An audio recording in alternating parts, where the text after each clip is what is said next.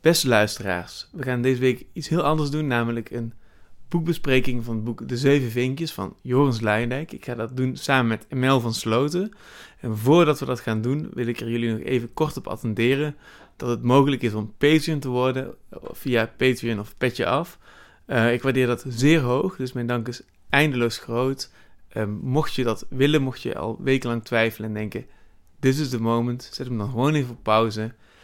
Klik op de linkjes hieronder in de video, het wijst zich allemaal helemaal vanzelf. Er is mij niets anders dan de gast van vandaag aan te kondigen, Emel van Sloten. Uh, en veel luisterplezier. Ik zit hier met Emel van Sloten in Rotterdam. Um, ja, de aanleiding dat ik hier ben is misschien wel grappig om meteen even uit te leggen.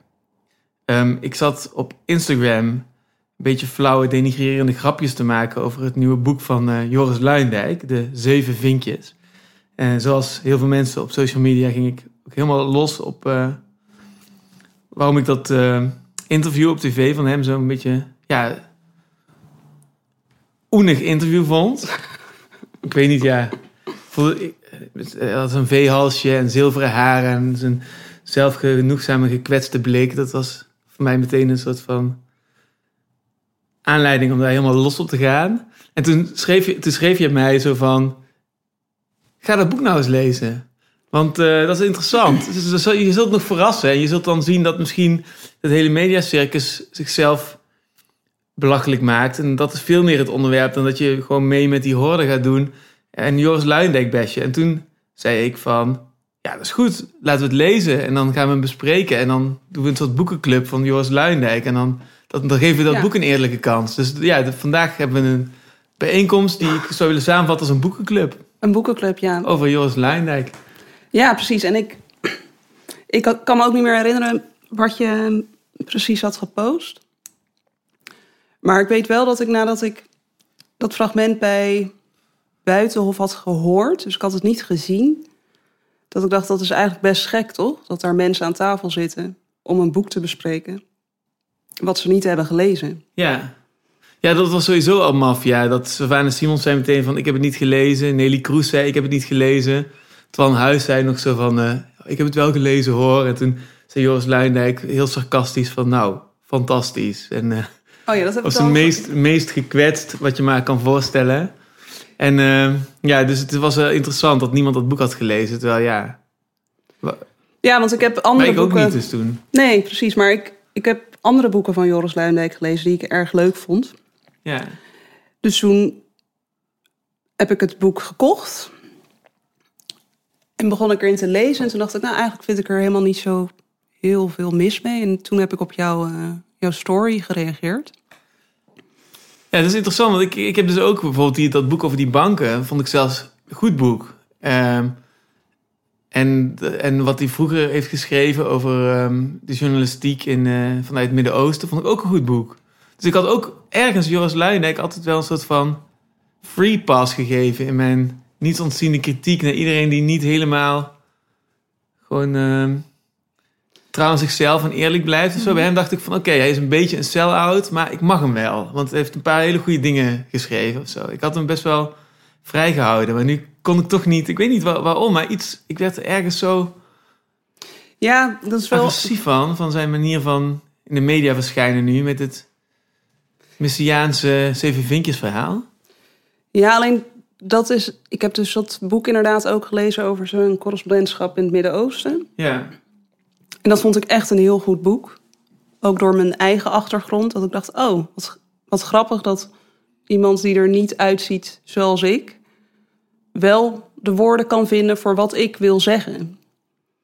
Maar voor de rest vond ik niks van Joris Luijendijk. Dat is dan gewoon iets dat ik denk, dat was een leuk boek. Hij heeft ook nog een boek over het, uh, het bankwezen in Londen. En dan, dat, dat is dan op een gegeven moment gewoon weg. Zeg maar. Ik heb geen oordeel over de persoon Joris Luijendijk.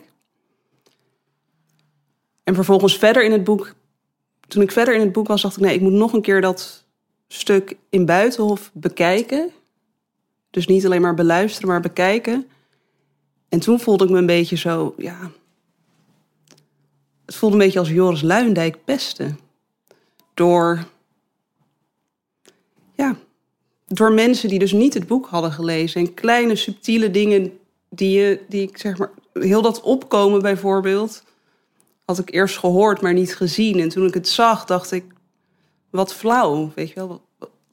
Hij komt, het was ook duidelijk dat Twan naar een andere camera aan het praten was dan de camera die op Joris gericht was. En toen zag je hem een beetje zo verdwaald. Dat hij niet Ja. helemaal wist waar hij moest gaan zitten. En toen werden er nog twee, ja, werden Sylvana en eh, Nelly eh Kroes dan eh, aan tafel uitgenodigd. En toen kreeg ik ook een beetje door het beeld dat ik zag het idee van hier was hij ook niet op voorbereid. En toen ik eenmaal het boek uit had, dacht ik, ja, dat is dus eigenlijk best grappig. Want eigenlijk laat dat fragment zien dat dat boek dus niet is gelezen. Want dan vragen ze twee vrouwen aan tafel. En dan is er eentje van kleur. Die dan aan tafel mogen zitten om over een boek te praten wat ze niet hebben gelezen. En dat benoemt hij ook wel een beetje in zijn boek. Ja. Dat je dus... Maar dan komen we alweer bij de vinkjes. Ja, nee, nee, en, ik ben eh, heel benieuwd. Nee, vertel verder. Ik, ben, ik vind het meteen een interessante redenering. Dus Ja, ik weet, ik, ik weet niet precies welk hoofdstuk het is, maar ergens benoemt hij het dan ook van. ehm,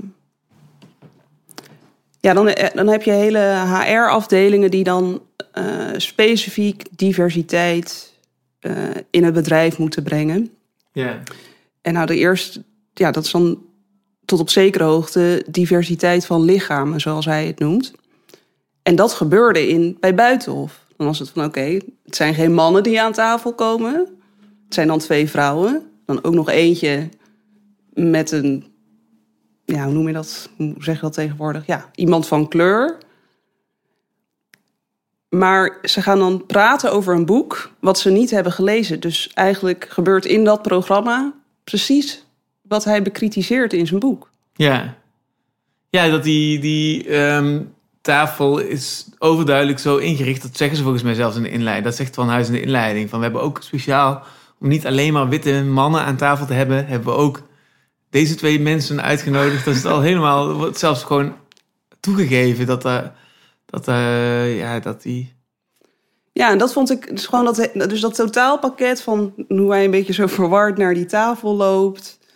En dan in het volgende shot zie je dus wel gewoon een mooi ineens zitten daar Ja. Sylvana en Nelly.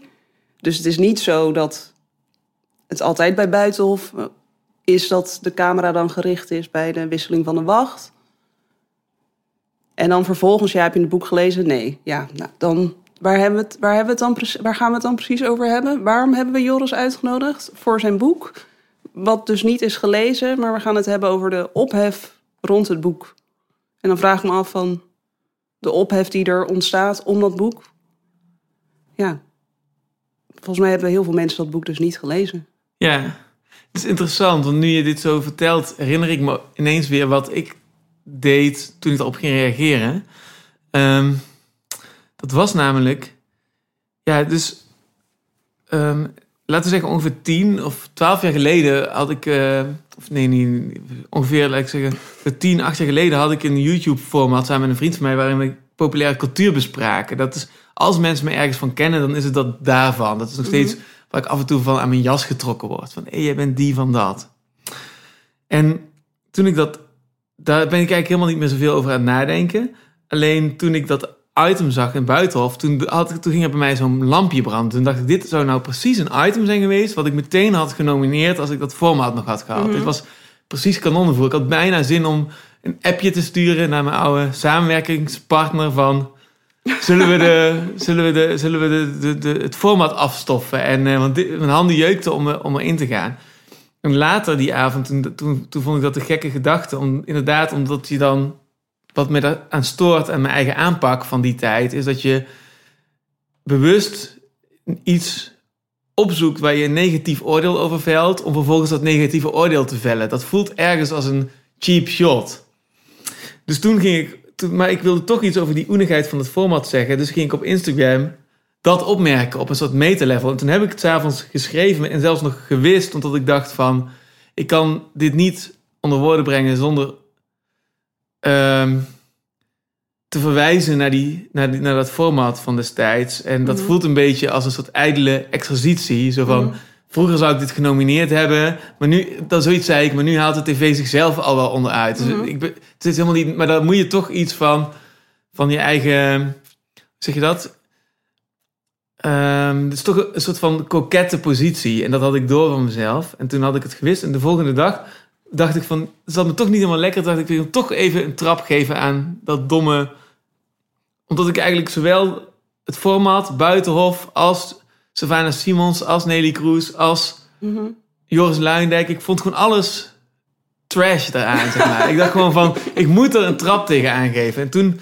eh, deed ik, toen heb ik het toch nog opnieuw geplaatst. En toen reageerde jij. En toen voelde ik me ook mega betrapt dat ik toch eigenlijk meedeed aan die junkcultuur. En, en toen, door dat idee dat we erover kregen om dan daadwerkelijk die boekbespreking te gaan houden, wat we nu dus gaan doen, toen dacht ik van, even later van, dat is wel interessant, want dan, dat is toch ergens groei. Dat je, dat je door die, ook al, dat je, ook al begin je wel met die goedkope trash, daaraan meedoen, dat je toch de helderheid van geest hebt, hoop ik dan, om daar weer doorheen te breken en dan Mhm. daar weer iets op te laten bloeien in plaats van het alleen maar te vernietigen. Dus dat, dat is eigenlijk wat ik nu herinner, nu, nu we het er zo over hebben van... ja, precies. Dat zat, in, dat, zat, dat zat in mijn hoofd van, van... Oh ja, jij hebt mij toch even de ogen geopend van... Kom op, eh, dat gaan we niet meer doen, hè? We Mhm. gaan niet meer gewoon iets wat kut is... bestempelen als iets wat kut is. Want dat is juist je hele, je, je hele insteek van zo'n post... is dat je dat niet aan meedoet, maar je doet er stiekem toch aan mee. Maar Mhm. dat, dat- daar voelde ik me dus in betrapt en dat vond ik interessant eraan. Snap je wat ik bedoel? ja, ik snap wel wat heel je bedoelt. ik- Nee, ik snap wel wat je bedoelt. Want ik denk ook... Ik weet nog, ik heb een, toen, tijdens mijn stage werd er werd een keer een soort promofilmpje voor de hogeschool gemaakt. En dat was zeg maar een beetje een soort van aha-momentje bij mezelf. Dat ik dan iets in een camera moest zeggen en dat acht keer moest doen. En dat is een beetje het moment dat ik dacht, zo werkt tv. Ja. Zo.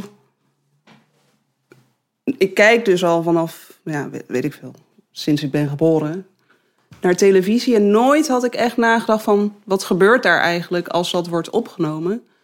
En doordat ik het dus de eerste keer had gehoord, ja, toen vond ik het ook wel een beetje, ja, een beetje een gesprek over,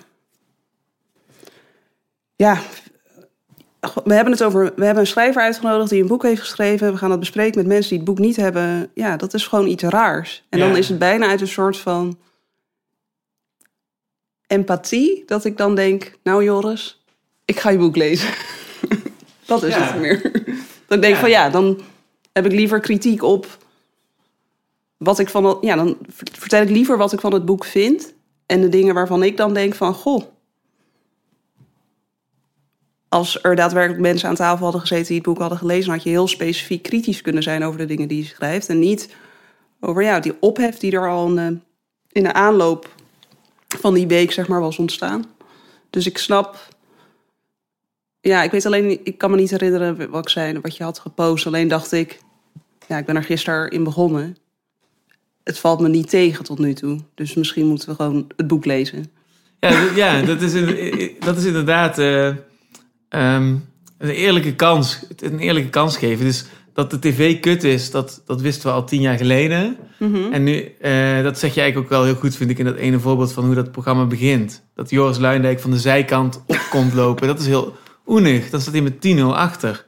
Dat is natuurlijk omdat met, sinds corona iedereen uit anderhalf meter van elkaar moest gaan zitten. Sindsdien is het dus gangbaar geworden om die overgangsshots in beeld te brengen. Maar meestal zit daar gewoon iemand, poef. Dan heb je gewoon even een Ja. itempje. En dan vervolgens gaat het weer beginnen. En dan zit iemand gewoon aan tafel. Nu, nu hebben ze dat hele ritueel gefilmd. En dan staat iemand gewoon te Ja, te precies. Ik, ik zag mezelf een beetje oenig zijn in... Joh, ik zou ook waarschijnlijk... Ja, Ja, dus we kunnen nu wel, wel Ja. helemaal één voor één al die, al die beeldfragmenten afgaan van eh, wat is het toch een kut item.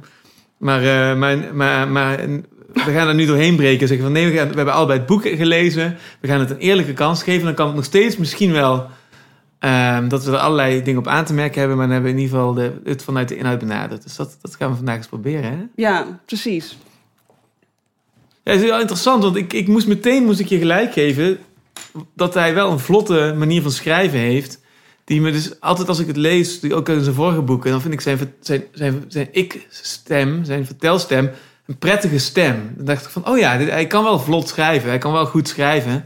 los van wat hij op heeft geschreven, zijn, zijn stijl is gewoon Ja, solid je- of zo, hè? En het is, gewoon- ja, het is ook niet een dik boek en je hebt het echt in een paar uur uitgelezen. Ja. En precies wat je zegt. En volgens mij had ik dat toen ook gestuurd van dat hele idee van dat er nu kritiek komt omdat hij het uit, vanuit zichzelf schrijft. Dat hij een soort van je meeneemt, wat hij ook eh, in dat boek over de city heeft gedaan. Dat precies zijn schrijfstijl nu wordt bekritiseerd, maar hij doet eigenlijk hetzelfde. Hij gaat er een soort van ja, of over zijn correspondentschap. Toen was er niemand die zei van... nou, eh, Joris, je bespreekt, het wel heel erg vanuit eh, ik, de, de correspondent uit Nederland. En dat ik dacht van, ja, maar dat is dus gek. En toen voelde ik ook door ja, alle bagger op Twitter... en in andere po- podcasts... en dat ik echt dacht, waarom, waarom re- reageren mensen nu zo... terwijl ik dat niet verwacht van die mensen? Is dat dan echt... dat is dan... ja laat me het zo zeggen, een beetje soort van vanuit een linkse hoek, een beetje progressief, dat daar toen heel erg, ja, een beetje het, het Joris-pesten hoorde ik vooral. Want het was voornamelijk over, oh, hij zag er zo koenig uit en, oh, maar dat weet iedereen toch al. En ook als je zeven vinkjes hebt, dan, ja, dacht ik, ja, maar in die andere boeken was dat dan, werd dat dan geaccepteerd of zo? Of, Ja, Ja. Dus, jij, dus jij zegt eigenlijk volgens mij van waarom nu? Waarom val je er nu over? Waarom Precies. viel je er dan niet over? En wat Ja. zegt dat dan over jou? Dat je bij die vorige keer eh, die methode goed vond en nu vind je hem niet goed. Wat zegt dat dan? Ja, hè? precies. En daar dacht ik dan een beetje over na. Dus voordat ik het boek uit had, zeg maar. En toen dacht ik, ja, dat voelt dan toch omdat het... Mensen reageren vaak heel boos op iets als ze zich aangesproken voelen. Als jij tegen mij zegt, eh, je bent hartstikke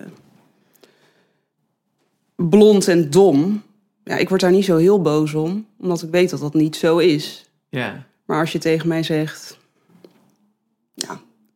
Ik ga nu niet een soort van lelijke eigenschappen van mezelf delen. Maar als je iets zegt waarvan ik weet van. Nou, er zit toch wel een kern van waarheid in. Dan is mijn neiging toch om daar juist tegenin te gaan. En als het niet op de inhoud gaat, dan op de vorm.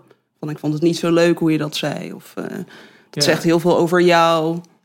ja, dus je zegt van het is een exposé van geraaktheid wat je dan ziet. Exact. Dus dat ja. iedereen zo erover valt. Ja. Dus meteen te toetsen of dat voor mij ook zo geldt. Dat ik dan met dat motief dat, eh dat toch iets over wilde zeggen. Het zou kunnen. Dat is misschien nog een goede gewetensvraag. Nou, dat weet ik niet, want ik. De titel van het boek natuurlijk is. Hoe mannen zoals ik, of hoe Ja. mannen zoals Joris. Ja, En dan per definitie voel ik me al niet aangesproken. Want ik ben geen man en ook geen witte man. Dus dan denk ik al van, nou, dit gaat niet over mij. Ja, ik heb, mijn ervaring is wel, ik, dat privilege-debat, eh, dat, dat is al, dat volg ik al sinds 2012 of zo. Dat, dat is nu 2022, is ook al tien jaar bezig. Mhm. En eh, misschien dat het al iets langer bezig was met de kick-out Zwarte Piet. En op een gegeven moment rond 2012, 13 eh, begon dat eh, door te druppelen in Mhm.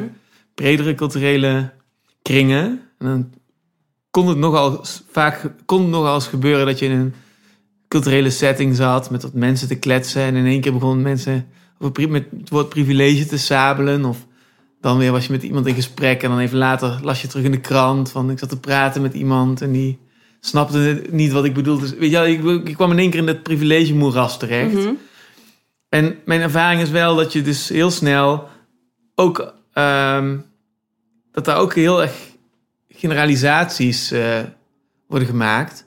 Dus ik, ik voel dan denk ik wel een behoefte om, daar, om met hand en tand mijn positie te verdedigen ergens. Als ik gegeneraliseerd dreig te worden met mannen zoals Joris Luindijk, waar ik me ook mee, niet mee identificeer. Ja, maar ik denk dat... Dus ik denk dat dat bij mij dan meespeelt. Dat je zegt van dat het misschien wel klopt dat er een soort geraaktheid onder zit altijd. En mij is het van, ja, als je naar mij kijkt van jij bent toch ook een man zoals Joris Luindijk, dan denk ik, waar, heb je het over? Ik ben helemaal niet een man zoals Joris Luindijk. Dus ik voel meteen, ik wil me meteen onderscheiden daarvan. Ik wil meteen mezelf daarvan distancieren, snap je? Ja, dat snap ik. Maar ik snap ook waarom ik dat zelf dus niet heb. Als het gaat over... Ik heb... Ja... Dat was, ging over een theatervoorstelling. eh, sprak ik iemand die eh, een theatervoorstelling had gemaakt, specifiek voor mensen met een biculturele achtergrond. Maar er kwamen voornamelijk autochtone Nederlanders op af. En die, had, die vonden de grapjes die werden gemaakt over ja, stereotype Nederlandse verjaardagen, noem maar op, vonden ze heel vervelend. En in dat gesprek, toen ging ik er een beetje over nadenken van hoe zou dat nou kunnen. Maar ik heb een Marokkaanse achtergrond. En als ik elke keer mezelf zou moeten verdedigen. ja, op een gegeven moment krijg je gewoon een soort olifantenhuid. Ja. Want als je daar, als je maar lang genoeg hoort van Marokkanen dit, Marokkanen dat. Ja, op een gegeven moment leer je dan al vroeg. Ik ben eind jaren tachtig geboren. Ja, leer je heel snel dat gewoon naast je neer te leggen. Omdat het niet zo, ja, zo zwart-wit is. Mijn, ja, dat naampje laat ik maar gewoon een naampje zijn, zeg maar. ja. Het zegt niks over. Ja, het is gewoon een naam van een naam. Van een naam van een naam. Je kan het eindeloos Ja. doortrekken. Maar ik voel me er niet meer door aangesproken. Ik, ik Dus als jij in de krant gekwetst. leest Marokkaan, dan, dan heb je het idee dat is gewoon een, een abstracte label. Zoals ik zo zou kunnen zeggen, eh, Joris Luijendijk of mannen zoals ik of witte mannen, dat zou je op eenzelfde manier Ja, gewoon als een soort van radioruis moeten ja. lezen. En het feit dat dat al überhaupt niet gebeurt, dat ik dat niet heb, dat zegt alweer iets over wat mensen dan privilege proberen te noemen, toch? Ja, precies. En ook dat je, dat je net zelf zegt van dat het rond 2012 begon Ja, over privileges. Dus dan is het effectief gezien tien jaar geleden dat dat de eerste keer was dat je je, je eigen tussen haakjes soort ehm, tot een soort naam ziet worden, tot een soort stempel. ja, En dat heb ik heel cru gezegd al van, vanaf mijn geboorte, zeg maar. ja. Dus ja, dat, dat is een beetje. En daarmee probeer ik niet te zeggen dat je geen kritiek mag hebben. Maar ik vind het gewoon te makkelijke kritiek om dan een beetje flauw te doen over Joris. En een beetje flauw te doen over die zeven vinkjes. Ehm, maar ja, dat, dat dat wel eigenlijk. Want hoeveel vinkjes heb jij dan? Ja, dat is, dat is een goede vraag. Ik, heb, eh, ik tel er drie, maar ik, ben wel, eh, ik, ik probeer het wel in mijn voordeel uit te rekenen natuurlijk. Ik probeer wel eens zo, zo laag mogelijk uit te komen, om gewoon als provocatie bijna. Maar Ja. als ik gewoon heel sec kijk, dan tel ik er drie inderdaad. Ja. Geen zeven, dus dan denk ik van ha. en wat zegt dat dan, weet je wel? Ja, dat, dat is echt interessant. Want, want dus, dan denk ik wel, als we, als we de discussie dan zo flauw wiskundig gaan voeren, dan denk ik van oké, prima. Dan doe ik wel mee met het zeven vinkjes debat. Ik er drie en dan snap ik met terugwerkende kracht precies waarom ik de afgelopen tien jaar met, met wie ik allemaal ruzie heb gehad over dit onderwerp. En ook met mensen van kleur die gewoon zes vinkjes hebben. En ik, zie je, dat is ook precies wat ik... Mijn enige argument dat ik steeds wil, wil inbrengen zelf in het debat, is dat we... We hebben een paar keer geprobeerd om te zeggen van... Ja, maar we, we, we richten ons tot hetzelfde. We richten ons tot dezelfde, hetzelfde, tussen aanhalingstekens, an- antagonisme. Mhm. Dus en misschien is dat iets te veel. Dat weet ik ook wel. Hè? Dus als je dat argument gebruikt, dan klink je een beetje zoals Jon Snow in Game of Thrones, die de zeven koninkrijken wil verenigen. Ik weet niet of je Game of Thrones Nee, heb kent, maar niet gezien. ja, dat is een fantasy-serie. Maar dan heb je uiteindelijk tien seizoenen lang hoe die zeven koninkrijken, zoals in de middeleeuwen, maar dan op een Mhm. fantasy manier met elkaar oorlog voeren. Maar uiteindelijk heb je ook de grote vuurwezens en de grote ijswezens. En dat is uiteindelijk de grootste Mhm. clash. Namelijk uiteindelijk wordt het gewoon een standoff tussen vuurwereld en een ijswereld, bij wijze van spreken. En die zeven koninkrijken, dat is gewoon gekwakkel. Dit is trouwens, dit zou je ook op Lord of the Rings kunnen plakken of op Harry Potter, op gewoon die archetypische grote verhalen. Hè? Het zijn Mhm. gewoon dezelfde metaforische verhalen. En uiteindelijk zit dan in die, in die Game of Thrones zit er dan één, één man die, die, die uiteindelijk ook gaat zeggen van jongens, laten we nou niet met, met die zeven koninkrijken elkaar de hersens inslaan, want Het gaat... we zullen toch moeten Mhm. samenwerken. Want het gevaar komt voor ons allemaal dadelijk uit, op het grootste level uit dezelfde hoek. Ja, precies. Of zo, snap je? En ergens is het ook een soort van gekke po- positie, omdat dan juist zo'n Jon Snow is ook weer zo.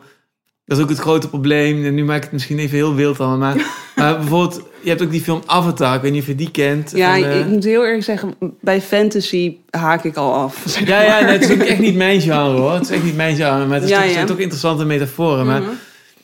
Maar de, die film Avatar die gaat dan over een soort van ook boswezens in zo'n soort van fantasie-universum. Mhm. En uiteindelijk heb je zo'n Amerikaanse imperialistische poging om die, om die wezens te onderdrukken. En, en dan gaat één iemand van die Amerikanen overlopen naar die boswezens. Maar Mm. uiteindelijk wordt hij wel de leider van die boswezens. En hij Ja, heeft dan de grootste draak en de grootste vertoon. En dan kunnen we wel meeleven dat die boswezens worden gered. Maar ja, een kritisch kijker gaat toch denken van ja, en wie moet het allemaal weer gaan redden? Dat is weer de...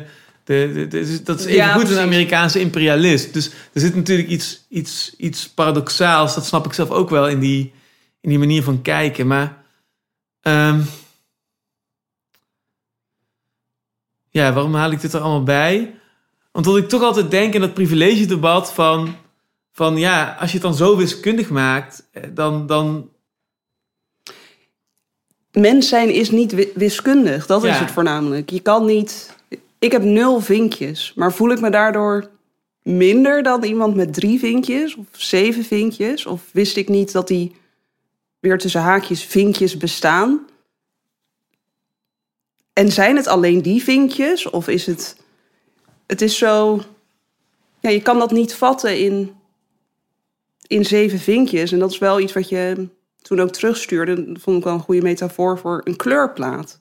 De buitenste lijnen zijn er al. En voor de rest gaat, wordt die dan ingekleurd. Dat zijn dan, of color by number, weet je wel. Je hebt Mhm. zeven kleurtjes en dan...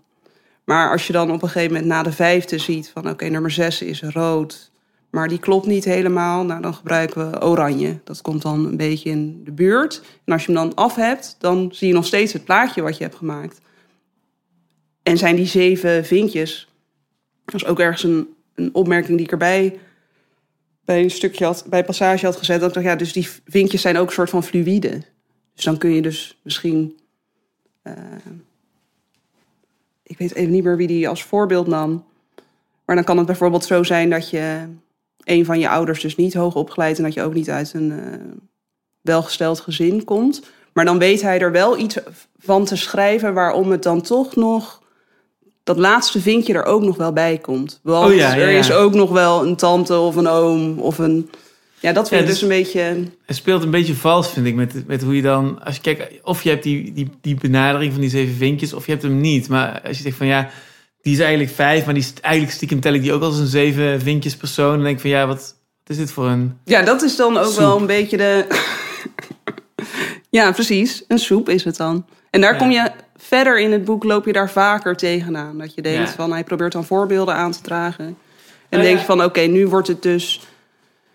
Maar dan heeft hij natuurlijk zelf ook al de disclaimer gemaakt dat het niet een, een soort van theorie is of zo. Het is meer dat Joris een keer in de spiegel ging kijken of zo. Dat was voor mij voornamelijk dat ik wel een beetje. Nou, ik moest gewoon lachen dat ik dacht: oh, dat had jij pas bij The Guardian. Dat was de eerste. Ja. Toen pas had jij het idee van: hey, ik doe niet mee. Of ik. Ja, gewoon een soort van. Wat is het uiteindelijk bij The Guardian? Hij voelde zich niet op zijn plek. Ja, nou daar heb ik best wel veel over te zeggen. Over de, dus dan gaan Oké. we eigenlijk naar het boek toe. Ja. Maar dus, dus dat is misschien goed om die stap ook te maken. Want eh, eh, dat we eerst even ook concreet beginnen bij het boek zelf. Maar Mhm. ehm, ja, het, het begint inderdaad, het eerste hoofdstuk. Wat ik trouwens heel vlot geschreven, prettig hoofdstuk vind. Ehm, dan, dan beschrijft hij zijn tijd in The Guardian, inderdaad. En, eh, en dan zegt hij ook dat hij het eh, daar behoorlijk moeilijk heeft gehad. En waar hij tegenaan loopt, hè?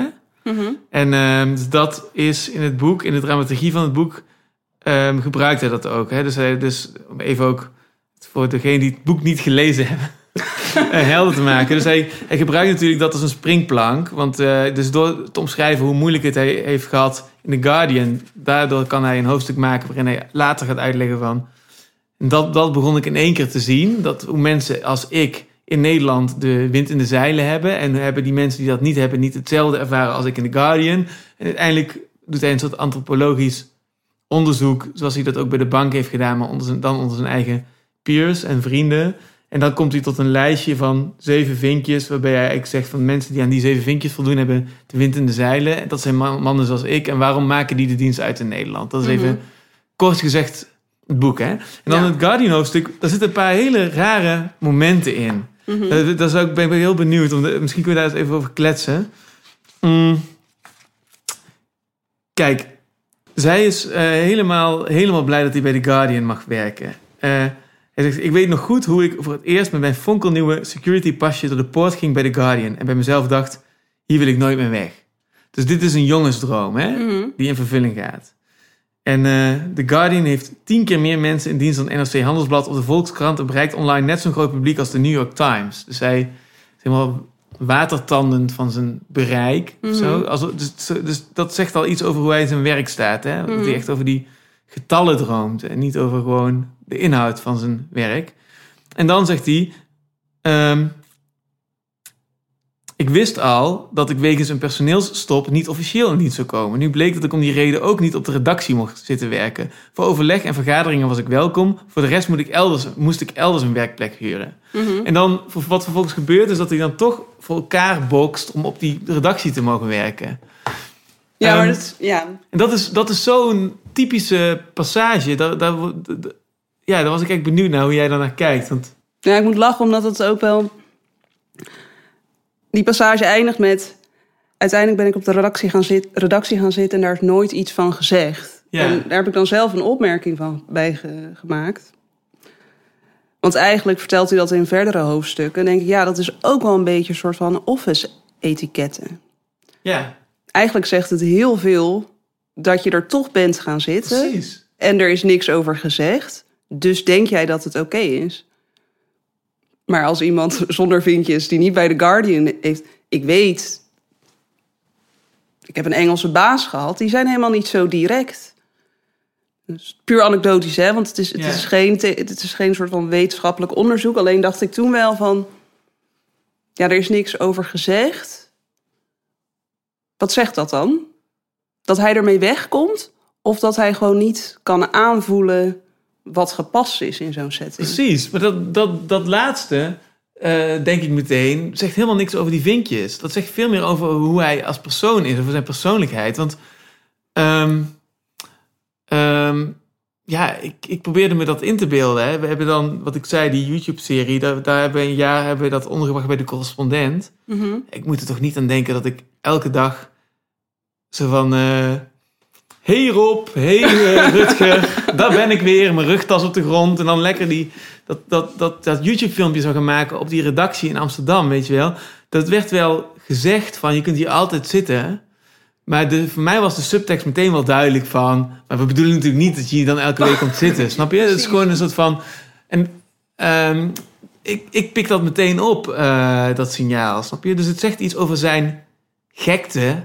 Dat hij dus dat hij denkt dat als hij eh, een, blog mag bijhouden met als brand stempel The Guardian, dat hij dan ook echt tussen die jongens mag gaan zitten.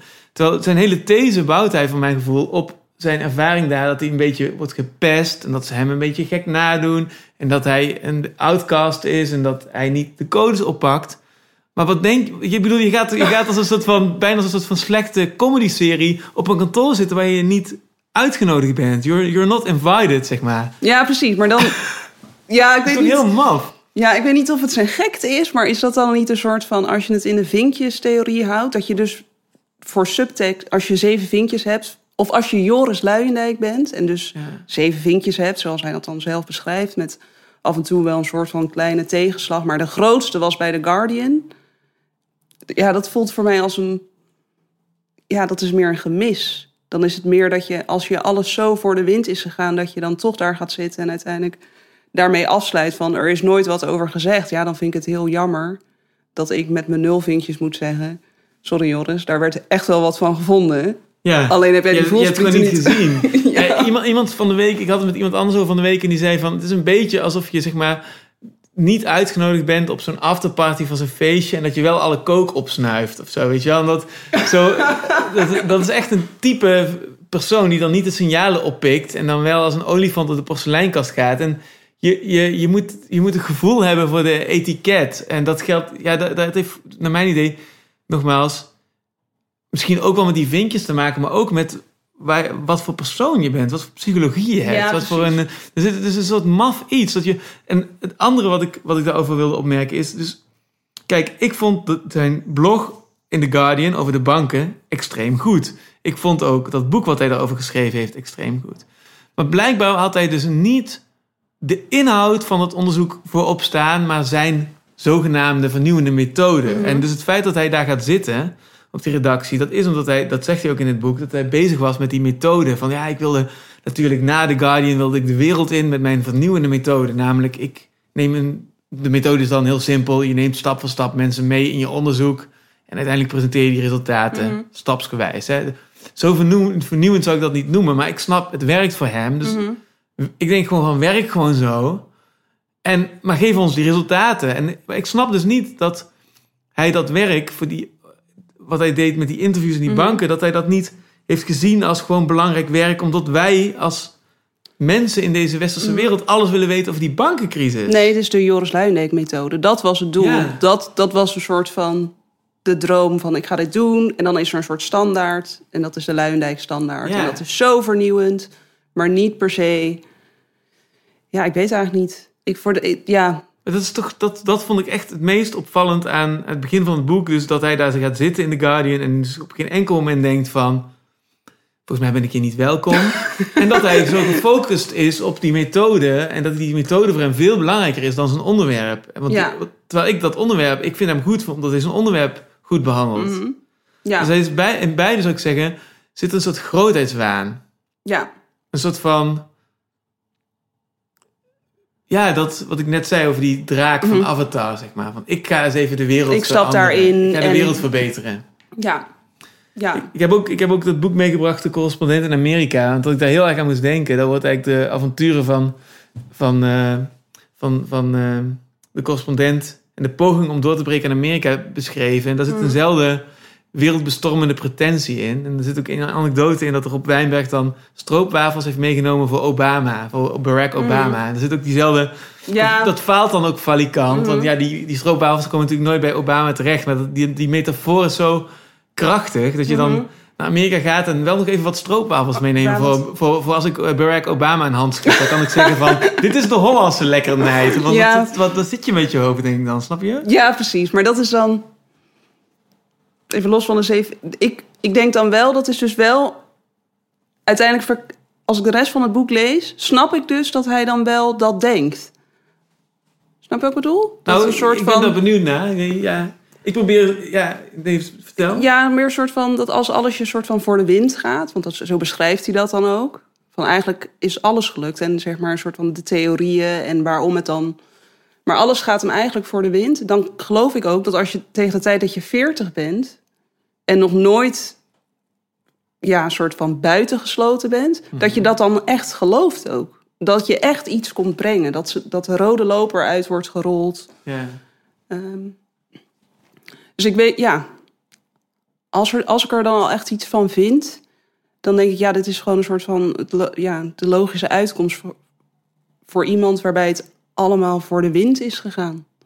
En dus, ja, ik weet eigenlijk niet waar ik naartoe wil. Ik denk, Ik ik denk- denk, ik heb de indruk dat jij wil zeggen van, ja, maar dat heeft toch wel met die zeven vinkjes te maken. Nou, niet per se met de zeven vinkjes, want het kunnen ook andere dingen zijn. Maar voornamelijk omdat ik, Messias complex, denk ik. precies, omdat ik dus Maar dat heeft niet, voor mij heeft dat niet te maken, dus ik snap je, niet iedereen die die zeven vinkjes heeft, heeft een Messias complex. Nee, precies. Snap je? Ik ken, ik ken ook eh, mensen uit mijn persoonlijke kring die ze alle zeven hebben. En dit, dat zijn gewoon mensen die een enorm gevoel voor community hebben, die de wijk opruimen, die buurthuizen Ja, opzetten, die eh, iedereen eh, netwerken, overal klusjes op, opknappen. Mhm. En je Ja. hebt ook mensen die willen de wereld veroveren. En dat is, ja, weet je wel, dat, en alles ertussen. Dat, dat, Ja, en die dus echt helemaal los geloven. van die vinkjes. Ja, precies. En die dus echt geloven dat zij, dat, dat zij een verandering door kunnen. Dat zij de oplossing, inderdaad een messiascomplex. En dat vind ik al, dat bekijk ik altijd een beetje, ja, een beetje gniffelend, zeg maar. Dat ik denk, eh, dat zegt heel veel over Joris in dit boek. En tegelijkertijd is hij wel blind voor alle andere dingen die daaromheen spelen. Heel die subtekst, daar is hij blind voor, waardoor hij zichzelf een beetje... Ja, dat vind ik dan grappig. Dat Ja. ik denk, hij is daar echt gaan zitten, weet je wel. Dat, hij is Ja. daar gaan zitten en je weet dat daar echt wel dingen over zijn gezegd. Maar niet tegen hem. Of misschien niet eens zijn- is gezegd, maar in oogcontact of zo. En dat zie je dan dus niet als je echt denkt dat, dat jij iets komt brengen. Of dat jij de norm bent. Of dat jij ehm, ja, dat dit eigenlijk weer een soort opstapje is. Want straks vliegt hij weer uit als hij zijn methode heeft eh, tentoongesteld. Het is ook... Kijk, iedereen kan een blog bijhouden, snap je? dat is gewoon... Zoveel mensen, zoveel blogs. Wa- waarom, waarom zou je niet gewoon een blog bijhouden? Nou ja, dan ben je ook maar gewoon iemand met een blog. Maar misschien is het wel heel chill om het stempeltje van The Guardian te krijgen. Want dan heb je een blog van The Guardian. ja, ja. Dat is gewoon een breekijzer. En dus Joris Luijendijk heeft niet gedacht van... eh, ik begin gewoon weer helemaal opnieuw bij een blog. Maar die begint dan met dat blog van The Guardian. En iedereen bij The Guardian moet dan hebben gedacht van... joh, prima, hier heb je een hoekje, hier heb je je blog. I don't care. Ik ben in vaste dienst of ik heb die... Weet je? Mhm. Het is natuurlijk die, die slangenkuil of die apenrots die zo'n Guardian nou eenmaal Mhm. is. En het is heel maf dat iemand die eigenlijk gewoon de facto een blog begint... dat stempeltje krijgt en dan ja. bijna alsof hij met zijn badslippers en zijn badjas zo en een krant onder zijn arm dat kantoor binnenkomt lopen. En iedereen zit in een soort freeze en een stilte zo Waarvan, met zijn hoofd te volgen van wie is dit nou weer? Die, dat is toch die gast uit Nederland die een blogje heeft? ja, precies. En hij dat- denkt, dat is, en hij denkt een blog eh, voor The Guardian. En, ik ben hier de grote vernieuwer, denkt Ja. hij. Maar Maar het is wel- dat hij dat niet, in al die jaren dus niet, ten eerste dat hij dat niet doorheeft. En dat hij er dit hoofdstuk van maakt, terwijl hij hier twee jaar aan heeft geschreven. En nog Mhm. steeds niet door die lagen heen kan breken dat dat aan de hand is. Dat Mhm. zegt ook iets over hoe hij kijkt. Ja. Ja. Ja, hij eindigt hem in die zin een beetje cryptisch met door de opmerking te maken. Uiteindelijk is er nooit iets over gezegd. En dan denk ik, en heb jij daarna nog even nagedacht? Of stopt het echt hier? Dat Ja. weet ik dan niet. Dat kan ik niet inschatten. En als hij is gestopt, dan denk ik dat met nadenken daarover, dat dat dan een fout is. Want het feit dat er niks over is gezegd, of niet een fout, maar dat geeft dan wel een soort van een beetje het messiascomplex aan. Dat je dat niet kan. Ja, dat het daar stopt voor je. Er is niks over gezegd, dus het is goed. Ja, ja dat is heel opvallend zinnetje, ja. Eh, van, niemand, zei, niemand zei er wat van, dus het zal wel prima zijn dat ik hier zit. Ja, oké, dat is ook prima, maar, maar als je dat niet herkent of lokaliseert als de bron van waar al die grappen vandaan komen en dat je stemmetje wordt nagedaan, snap je? Ja, Je kunt ook respect afdwingen, dwingen, ook al heb je een... Snap je? Dus er kunnen ook mensen zijn die een hele hoge functie hebben en uit India komen. En die wordt dan misschien wel met een India stemmetje nagedaan. Wat Mhm. altijd maar weer op een, op een of andere manier grappig moet worden nagedaan. En dan kan het nog steeds zijn dat je wel respect hebt afgedwongen. Dat hangt maar Mhm. net aan wat je, wat je hebt gedaan Ja, op een plek, toch? Ja. En ik kan me dus niet voorstellen dat dat dan de eerste keer is. Ja, dat is de eerste keer dat je het door had. Maar niet. Ik kan Ja. me niet voorstellen dat in die 40 jaar daarvoor. dat dat niet. Misschien heb je het toen niet doorgehad. Ja. Was ja, het ja, niet ja, dus zo er duidelijk? nieuwsgierigheid naar is, bedoel je? Dat Ja. hij dus niet denkt van... Wow, wat ik daar zie, de schellen vallen me van de ogen bij The Guardian. Hoe heb ik dan in Egypte gezeten? En dat we dan dat Exact. hoofdstuk gaan lezen of zo. Precies.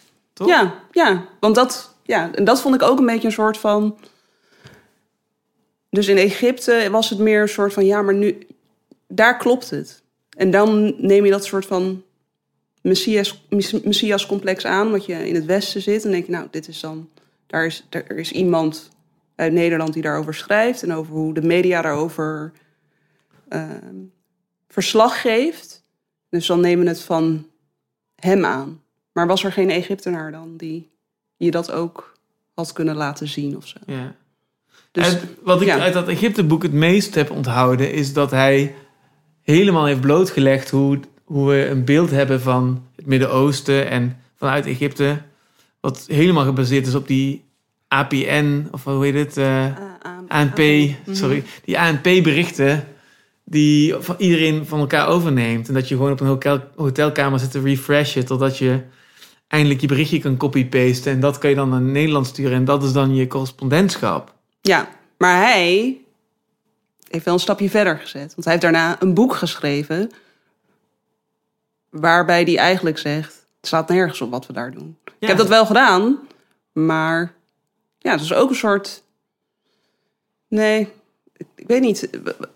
Waarom, vinden we, waarom vond ik dat boek dan wel goed? Want er, ergens... Nou, ik, ik denk omdat je dat nog niet wist en dan voor het eerst inziet. Zij opent je ogen dan toch voor een bepaalde manier van...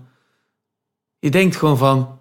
mijn god, dat ik dit niet had bedacht zelf. Want natuurlijk werkt het zo. Of zo. Ja, dat soort moment heb je dan toch, als je dat leest? Dat weet ik niet hoor, maar dat Ja. had ik in ieder geval. Nee, ik had het dan wel minder. Want het, wat ik net ook al zei van... In het zijn het mensen... wist hij in zijn taal en zijn beleving uit te leggen... wat ik al wist. Ja. Of tenminste... Ja een, voor, ja, een voorbeeld dat hij ook wel vaker heeft aangedragen daarna... is bijvoorbeeld als we dan zo'n... eh, als een, eh, weet ik veel, een Palestijns gezin een zoon verliest die zichzelf heeft opgeblazen, dat die juist heel trots zijn op camera, noem maar op. Ja, dat is voor mij niet vreemd. Dat is, ik ben niet Arabisch, maar ja, ik, ik snap dat. Want ik zie dat bij mijn eigen familie. eh, dat dat niet per se iets is waar je mee te koop loopt. Met verdriet of rouw. Of... ja. Alleen vond ik dat... waarom vond jij dat dan goede boeken? Als je zegt van, er stond voor mij niks nieuws in. En ik heb dat toch... Ik vond toch goede boeken. Hoe komt dat dan? Omdat ik toen wel dacht van... Dat was dan wel een beetje als je het... ja, volgens mij had je het net over Avatar. En eh, dat ik wel dacht van als, als Joris nodig is om dat bloot te leggen... zodat andere mensen die niet op mij lijken het ook gaan begrijpen... Ja. dan vind ik dat goed. Want ik kan het ook- niet uitleggen. Dit is ook exact de reden... Wat je, een van de eerste dingen die je ook eh, zei over dit, over dit boek. Hè? Van, je zei van, het is toch interessant dat mensen die volgens dit boek zeven vinkjes hebben...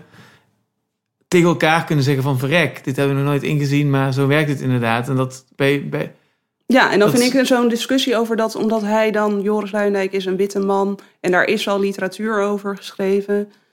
Ehm, ja, ik vind een, een woord als privilege... vind ik ook gewoon... Ik, ik heb daar een soort van weerstand voor. Omdat ik Mhm. denk ik het best kan uitleggen... dat het niet een soort van optelsom is van... oké, zoveel, dus dan is dit het logische resultaat van die som, zeg maar. ja. Ehm, dat ik alleen denk van, nou ja, als er dan dus mensen zijn die Gloria Wekker niet hebben gelezen over witte onschuld. Ik heb het zelf ook niet gelezen. Ik heb het wel gelezen trouwens, ja.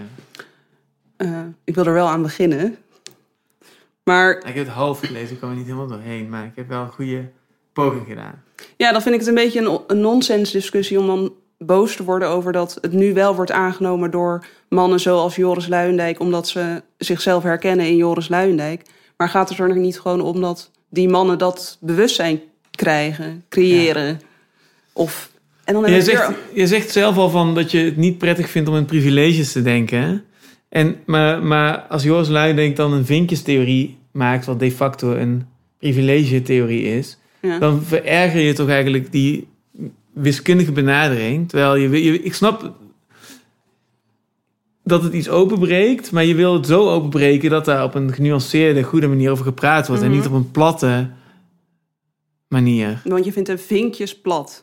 Ja, en ik vind Ja. het privilegedebat plat, en, maar ik vind die vinkjes ook plat. Ja. Alleen wat jij wel, ik bedoel, Laat me het zo zeggen, als er vinkjes nodig zijn om dat gesprek op gang te, te krijgen, om dan vervolgens te zeggen, zijn het, het gaat helemaal niet over een hoeveelheid vinkjes, dan vind ik het prima dat hij dat als uitgangspunt neemt. Of dat dat boek daar naartoe werkt.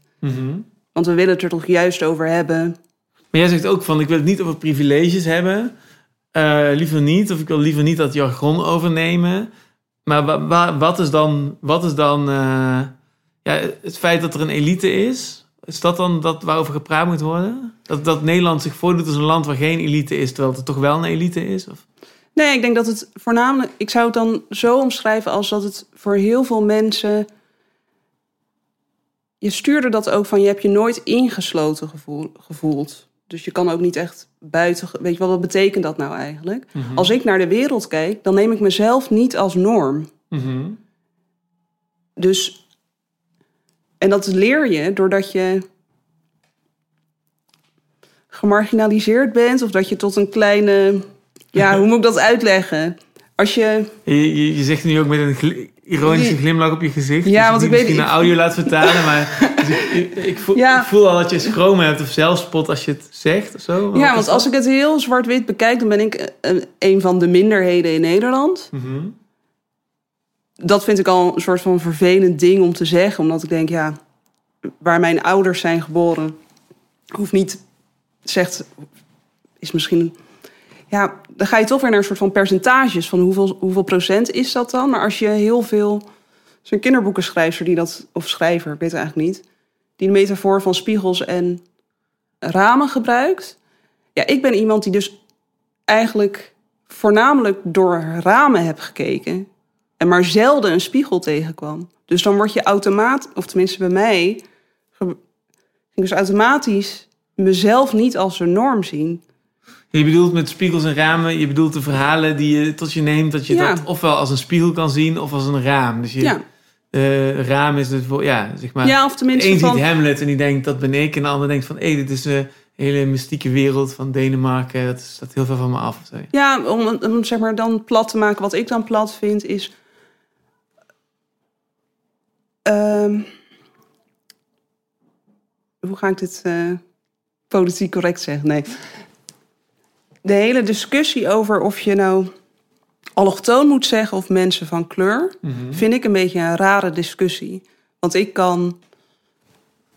Ik hoef niet per se iemand te zien die fysiek op mij lijkt om me pas aangesproken te voelen of me- mezelf te herkennen in iets.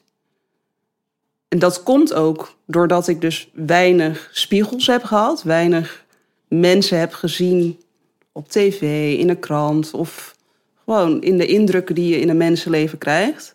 Waardoor ik dus automatisch mezelf niet als een norm zie, waardoor ik dus ook een soort van dat empathische vermogen bijna heb door te zeggen van, nou, ik vind Joris soms wel een beetje zielig. Ik ga zijn boek maar lezen. En ik denk dat als we het dan hebben over het verschil tussen de elite. Ik weet ook niet wat ik van dat woord vind.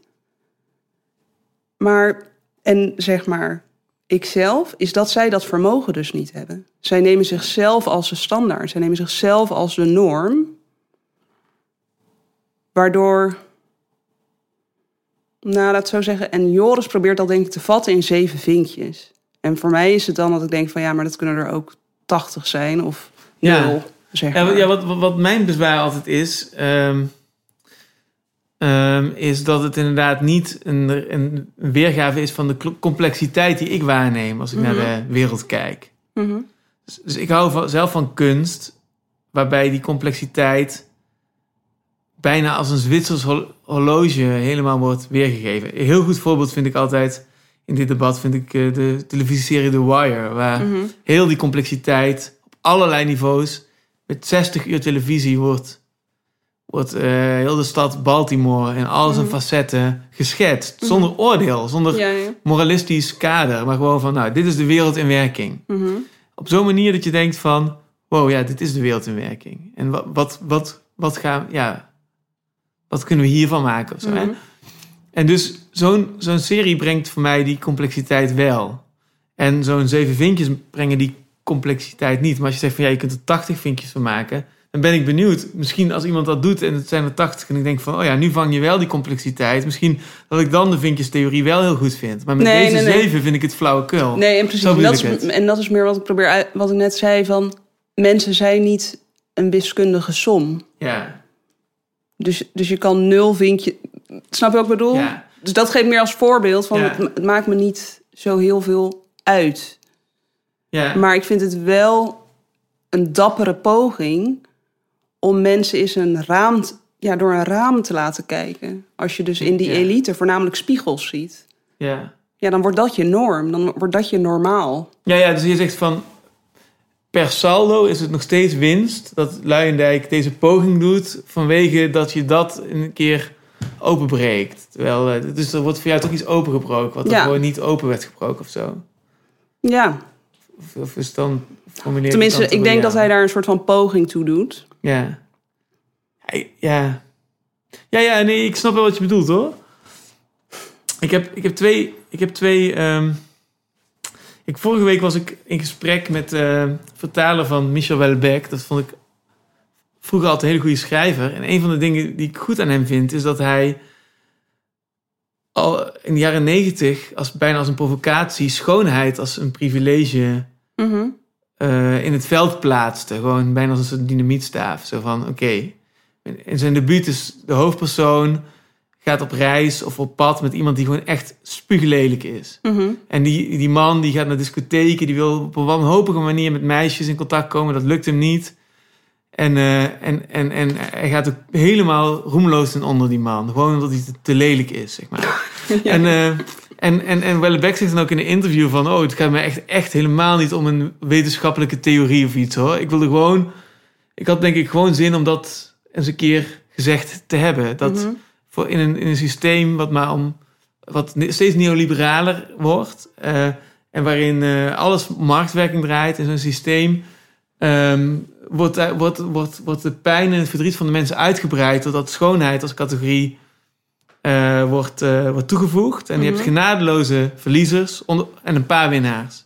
En dat geldt ook voor schoonheid. En wat ik dus interessant vind, is dat je, voor mannen als Joris Luijendrijk... Ik heb echt het boek... eh, Ik heb geprobeerd om het, om, om het ernaar te zoeken met een vergrootglas... maar hij noemt schoonheid nergens in het boek. Hij, het is alsof je dat niet ziet. Dat, dat is een van de meest genadeloze privileges. Of je een beetje knap uiterlijk hebt of niet. Ja, ja, ja. En, en het wordt gewoon niet gezien. En, en, maar ook als je gaat praten met mensen die echt activistisch zijn in het Mhm. privilegedebat of met activisten van de Black Lives Matter beweging of zo, dan denk je altijd van, weet je wel, bijvoorbeeld eh, ja, dat, dat Savannah Simons een knappe vrouw is, weet je wel. Dat Ja. heeft er natuurlijk zoveel gebracht. Eerst bij TMF en later Mhm. met een eigen radioprogramma en dan uiteindelijk de politiek. Dat, dat, dat heeft zoveel deuren geopend. Maar dat lijkt een soort van vloek in de kerk. Terwijl, ja, dat, dat vind ik dan, om maar één voorbeeld te noemen. Hè. Jij zegt, je kunt 80, 80 vinkjes uitwerken. Maar dit vind ik al zo'n cruciaal vinkje wat dan wordt overgeslagen. Ja. Ik zit even te denken wat ik daar dan van vind. Daar ben ik het wel met je eens, daarin. Ehm, dat het zeker een hele grote rol speelt in interactie met mensen, op wat voor niveau, van wat voor setting dan ook. Maar ik ben dus wel zo oppervlakkig dat mijn eerste notitie was om de foto van Joris Luijendijk te bespreken. Ja, ja, laten we dat eens doen. Omdat ik dan denk van... Ja, misschien dat dat dan onbewust... dat ik dan denk van... Was dat echt de beste foto? Want dat je was... een foto in het boek, of niet? Ja. Ik ga even bladeren. Ja, ik heb hem dan digitaal. Oh mijn god, ja. Wat, wat, wat zie jij in die foto? Wat kun je eens beschrijven wat je ziet? Ik heb hem hier ook eh, trouwens. Dus je... Ja... Een man. Ja, niet. Ik denk dan, is dit echt de beste foto? Maar, wa- wa- maar waarom denk je dat? Of ik bedoel, wat...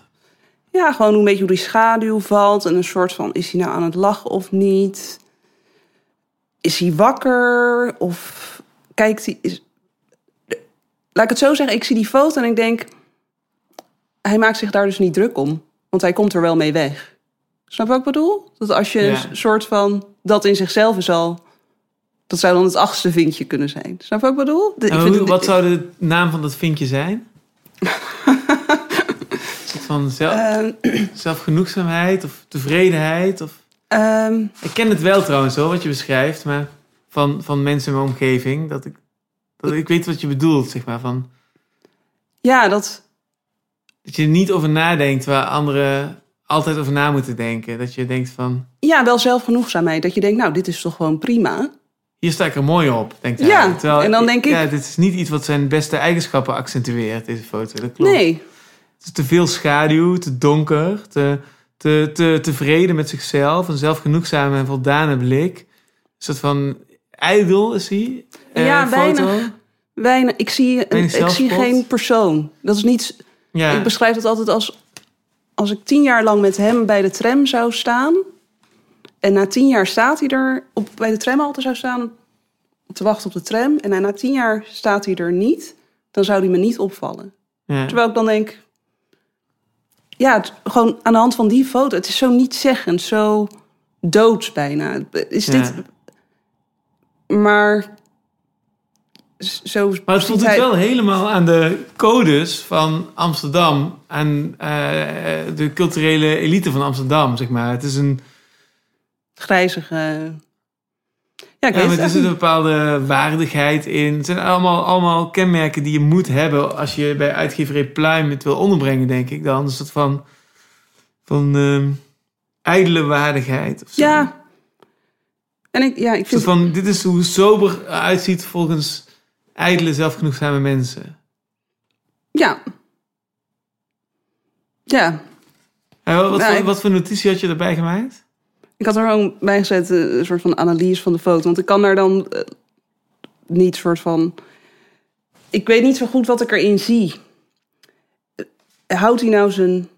Dit is heel oppervlakkig ook, hè? Maar houdt hij zijn mond nou in een soort kramp? Of het is, hij is niet ontspannen? Of is dit wel ontspannen? Gewoon dat ik denk van... Is er dan niemand geweest die zei van... Nou, een andere foto is misschien beter? Of laten we je wat toegankelijker maken of sympathieker of want Ja. het, is niet, het is niet ik zou niet zeggen lelijk maar wel dat ik denk als jij tevreden bent met deze foto is dat, is dat dan ook al een soort van boodschap of ja ik weet niet Ja, beetje zo.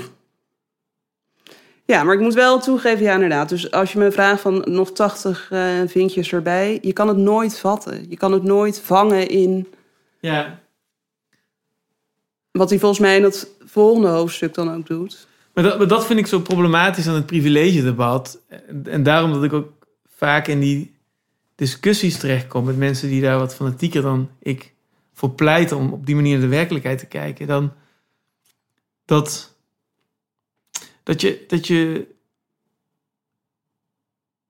dus wat, wat, wat ik net probeerde te zeggen toen ik het over Jon Snow en eh, Avatar had. Hè? Ik denk, toen kwam ik er niet helemaal uit, maar nu heb ik denk ik meer grip op wat ik dan bedoel. Wat ik bedoel is dat als we met z'n allen naar, als we met z'n allen naar hetzelfde kijken en met hetzelfde te maken hebben, dan bedoel ik dat leven waar we Mhm. allemaal in zitten. En dan Mhm. zou ik een willen voorstellen om er naar te kijken op een manier dat dat eer doet aan die volledige complexiteit Mhm. ervan. Wat misschien een onmogelijke poging is, maar dat we in ieder geval met elkaar die poging doen om Zoals wat de, waarvan, als iemand te zeggen, ik heb de Wire gemaakt en, en die zou hier aanschuiven, dan zou ik denken van, ja, dat is een goed voorstel om er Mhm. op die manier naar te kijken. En dan kunnen we weer doorpraten. Mhm. En dat privilegedebat heb ik altijd het gevoel van dat de mensen die dat heel erg die dat belangrijk vinden, die, dat, die gebruiken dat als een breekijzer om dingen te veranderen, als, vanuit een soort activisme. Mhm. En ik kan dat alleen maar zien als iets wat, wat juist negatief uitpakt, omdat je die complexiteit verliest Mhm. en het simplificeert en, en uiteindelijk juist meer schade toebrengt dan dat het, dat het iets oplevert. Ja, ja. En zodra Joris Luijendijk dan ook nog komt met zijn zeven vinkjes, met een, voor, met een omslag waar die zeven als een soort embleem, een superhelden-embleem op staat. En hij presenteert zich als een soort messias. En eh, Dan zeg je dat hij doet hetzelfde. Het is wel ja, dan, dan heb ik het gevoel van, van, van hij, hij, ja, dat irriteert me dan. Ik denk dat dat bij mij, dat ik, da, dat ik daar dan zin heb om dan daar tegenin te gaan. Dan denk ik van, ja, nu, nu ga je nog meer, nu gaan we eigenlijk nog meer mensen meedoen met die oversimplificatie van iets Mhm. wat naar mijn idee complex is en waarbij je die complexiteit in kaart moet brengen. Ja. Dus dat is mijn, denk ik, mijn Mhm. kernbezwaar. En waar ik het mee eens ben met wat je toen ook zei en wat je nu ook volgens mij zegt, is dat het wel dat we ondanks die kritiek het nog altijd kunnen bekijken van wat zegt hij nou, wat staat er nou en is het in zichzelf interessant, ondanks dat die zeven vinkjes ergens op één hoop mag voor mij met die Ja, precies. Als hij, privilege ja, discussie. ik had, het had misschien beter geweest als het zeven vinkjes verhaal gewoon niet als zeven vinkjes. Ik vind het verhaal wel mooi. Ja, laten we dat er dus uithakken. Laten Ja. we kijken of we dat kunnen bevrijden van die zeven vinkjes onzin.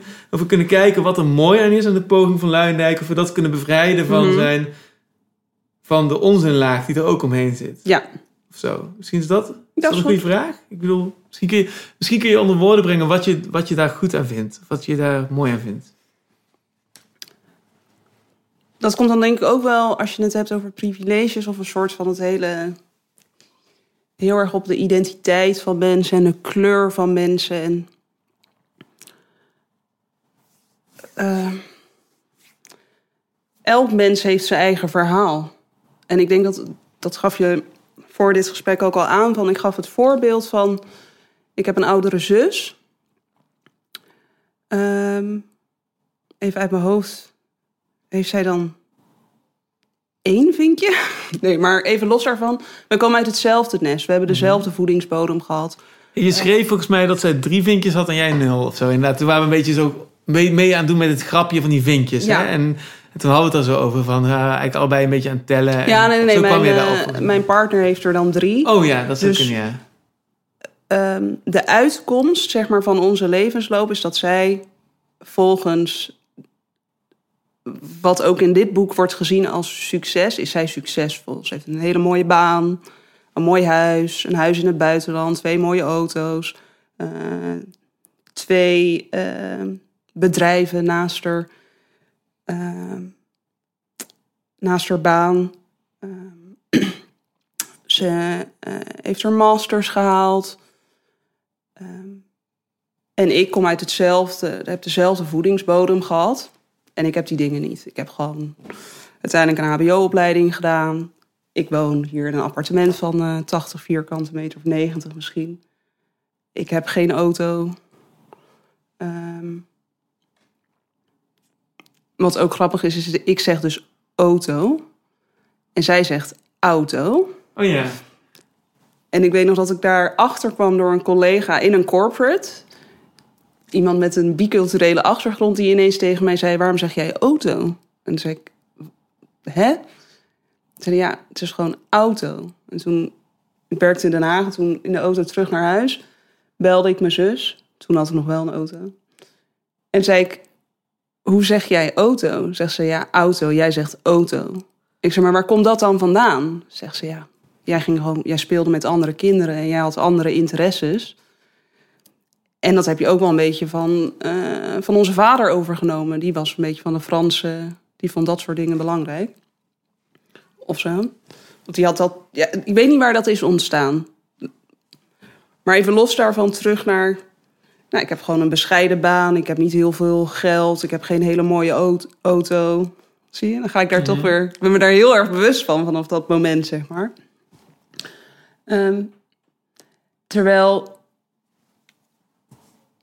dat is niet een gelukstreffer bij haar. Zij heeft gewoon keuzes gemaakt die ik niet heb gemaakt. Of ik heb andere keuzes gemaakt. En dat is denk ik wat ik je ook stuurde, is ik vind het is zo makkelijk om jezelf tot slachtoffer te maken door dus een, een, een, een lijstje bij te houden of een optelsom van privileges te maken, terwijl je vanuit dezelfde voedingsbodem twee verschillende uitkomsten kan hebben. Maar bij mij is het allemaal heel erg knap, want dat heb je toch maar wel gedaan en eh, je hebt vast wel heel veel obstakels eh, gehad. En bij mijn zus is het geluk. Terwijl dat volgens mij helemaal. Dat is. Beide verklaringen of complimenten daarop, die kloppen niet. Ja. Zo voel ik dat een beetje. Dus als ik je dan helemaal moet uitleggen waarom ik keuzes heb gemaakt en waarom mijn zus keuzes heeft gemaakt, en dan probeer je het hele verhaal te vatten. En dan begrijp je dat. ehm, ja, dat, het, dat elk, elk mens een soort van eigen verhaal heeft. En dat, dat maakt mensen zo complex. En dat is dus ook zo lastig als je het hebt over privileges of over kleur. Ik, ja, het is niet zo simpel. Ik vind het heel moeilijk om uit te leggen, merk ik. Nee, het is heel helder. Het is ook waarom ik zo zou, zou zeggen van... ja, we moeten niet meedoen met die simplificaties... zoals zeven vinkjes of privileges. Maar, maar, maar toch een manier vinden om, om daar voorbij te kijken. En, terwijl het toch eer doet aan, aan die verhalen en die ramen. En die, dus dat, dat is waar, denk ik mijn zoektocht begint. Van, Ja, ik ben precies. Maar dat, gefascineerd door, door dit voorbeeld... En toch denk ik van, eh, flikker op met je vinkjes of zo, snap je? Ja, maar precies. Maar jij noemde het net bijvoorbeeld, weet je wel, dat hij dan toch naar dat kantoor gaat en daar Ja. aan zijn bureautje gaat zitten. Noem jij dan gekte? Dat, doet, En dat, ik- dat is mijn en- waarheid in, in dat en, moment. en dan Dat- zeg ik juist, als ik dan verder het boek lees, Ja, dan snap ik dat. Want hij beschrijft zijn leven tot op zekere hoogte. Dat ik denk, ja, ik zeg, dat is zijn gekte. Ja, maar ja, voor mij ligt het accent op het woordje zijn. ja. Gekte noem ik dan gewoon dat iedereen gewoon wat spetters van die gekte heeft gekregen. Mhm. En, die, en dat spat in het ronde. En iedereen heeft andere spetters. Mhm. Dus iedereen is op een eigen manier een beetje gek of zo. En zo bedoel ik dat, denk ik. Dat is zijn gekte. Dat, Ja, is, dat is wat Joris Luijendijk Joris Luijendijk maakt. Dus hij probeert zichzelf te categoriseren door te zeggen... mannen zoals ik of mannen zoals Joris Luijendijk. Maar ik ben helemaal niet geïnteresseerd in zijn soort. Ik ben geïnteresseerd in Joris Luijendijk. In zijn, spe- zijn specifieke gekte. Ja, ja, ja. En, en, en dus op het moment dat hij dan bij, bij, bij, bij The Guardian op zijn kantoortje gaat zitten en helemaal niet doorheeft twee jaar lang dat iedereen denkt van wat doet die gekke hier? Dan denk ik, daar hebben we de spetters van Joris Luijendijks gekte. Zoals ik dat ook weer op Wijnberg denk als hij stroopwafels voor Obama inpakt als hij naar Amerika gaat. Dan denk ik, hier hebben we iets. ja. Hier hebben we iets wat mensen mensen maakt. En wat Mhm. iedereen inderdaad... Wat, wat over die unieke verhalen van mensen gaat. Dat, eh, wat, wat, wat, wel, wat ik interessant vind aan, aan dat jij mij eigenlijk bij de, bij de les houdt. En zegt, laten we dat, dat boek lezen. Is dat deze gedachte was niet in me opgekomen als ik het boek niet had gelezen. Dit, dit, omdat we erin duiken, zie, zie ik, daar zit voor mij de oerscène. Dat hij Ja, op ja. dat kantoor zit of zo. Hè. En er zit er misschien meer in. Ehm dan kunnen we, nog over, ja, kunnen we zo nog even kijken of er nog meer van die momenten in zitten. Maar wat zijn nou wat zijn die defining momenten die Joris Luijendijk niet tot soort maken, maar als, als uniek individu Mhm. dat portret van hem ja. blootleggen of prijsgeven? Maar zijn dat, en dan vraag ik me af, zijn dat dan wel echt unieke dingen? Zijn dat, ja, dat, Ja, dat weet ik niet. Dat is, ik denk niet dat iedere persoon die zeven vinkjes heeft ook meteen grootheidswaan heeft. nee. Maar wat ik ook dacht, een ander ding, net had ik het over schoonheid en privilege, maar een ander ding wat helemaal niet besproken wordt, is talent. En talent is, vind ik, weer een buitencategorie, die zich helemaal niet naar een vink laat vertalen. Ik heb het idee dat je, je kunt al die zeven vinkjes wel of niet hebben. Mhm. En, dan, en met zeven vinkjes kun je een hele carrière hebben. En dan nog steeds kun je niet dat hele specifieke talent hebben, dat je, naar mijn idee, bij dat corpus van genieën Mhm. geplaatst kan worden. En tegelijkertijd kun je wel dat unieke talent hebben en helemaal geen vinkjes en er ook dwars doorheen breken. Ja. Dat is gewoon een wildcard. En wat Mhm. is dat dan weer of zo, weet je wel? Dat Ja. zijn allemaal van die vragen die dan oppoppen. Van, van ja, is die zeven vinkjes, heeft Loris Luijendijk nou het, niet het talent om daadwerkelijk verder te reiken dan, dan dit niveau? Is dit waar hij blijft steken? Is dat omdat hij geen talent heeft om echt zijn kunstenaarschap in iets om te zetten wat over die daadwerkelijke inhoud gaat? Ja, of stopt het? Is Ja. dit voor hem gewoon zijn, ja, is dit zeg maar zijn grens? Hij ziet niet verder dan dat. Dat denk ik dan. Ja, ja, ja. Ja, ik weet het niet. Of ik, ik, ik bedoel, dat zijn. Ik moet er wel denken van. Wat ik goed vond, misschien, ja, laat ik, laat ik daar eens naartoe gaan. Mhm. En wat ik goed vond aan zijn boek over de banken. Laat Mhm. ik eens even het benaderen vanuit wat ik wel als zijn talent zie. Ik weet nog dat ik heel erg gefascineerd was door die bankencrisis destijds. Ik was er best wel veel over aan het lezen en onderzoek naar aan het doen. Mhm. En ik weet nog dat ik ook heel veel las destijds over die high frequency traders. En ik weet nog dat ik dat toen na de, dus ja, de economische crisis 2007, 2008, dat had een enorme impact op de wereld. Dat je Occupy Wall Street, ik ben toen ook al die kampen gaan bezoeken Mhm. en heb ik allemaal mensen gesproken. En ik was heel erg onderzoek aan het doen naar die high frequency traders, want daar legde ik de zwarte piet neer. Ik denk Ja, van ja. daar, het gaat over vaart en over snelheid en de snelste mensen hebben de boel omgegooid. Mhm. En toen zag ik The Big Short, die film. uit- Mhm. Die vond ik heel erg goed. Want die gaf eigenlijk een... Die gaf mij eigenlijk voor het eerst het inzicht... dat er op allerlei plekken in die wereld... allerlei men- mensen hebben ge- gezeten die op... Gewoon, ja, zoals je, daar kon ik me allemaal in inleven... dat ze vanuit hun uitvalspositie opportunistisch waren... in hun, Mhm. met welke kaarten ze nou eenmaal gekregen hadden. Mhm. En dat het systeem in is gestort vanwege al die verschillende spelers. Hoe al die radertjes dan op elkaar werken. En wat Joris Luijendijk deed door, dat, door die mensen te interviewen...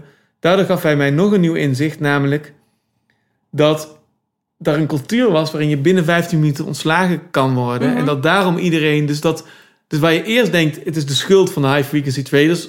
even Ja, plat ja. gezegd... dan is het tweede inzicht van... oh nee, er is niemand de schuld. Het zijn allemaal mensen en ze hebben gewoon...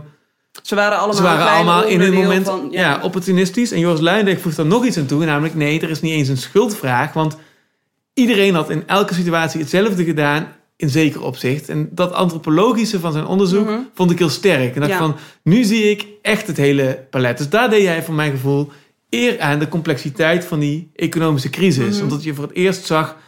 Ja, waarschijnlijk hadden we allemaal hetzelfde gedaan in al die posities. Want je Mhm. zit gewoon met die shit en je kan elk kwartier ontslagen worden.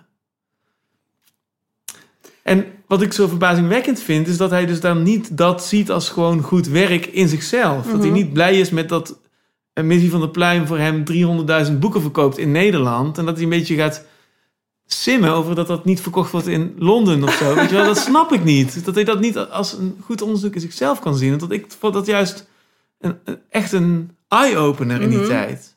Ja. En wat, wat wil je er dan nu mee zeggen? Dat vind je...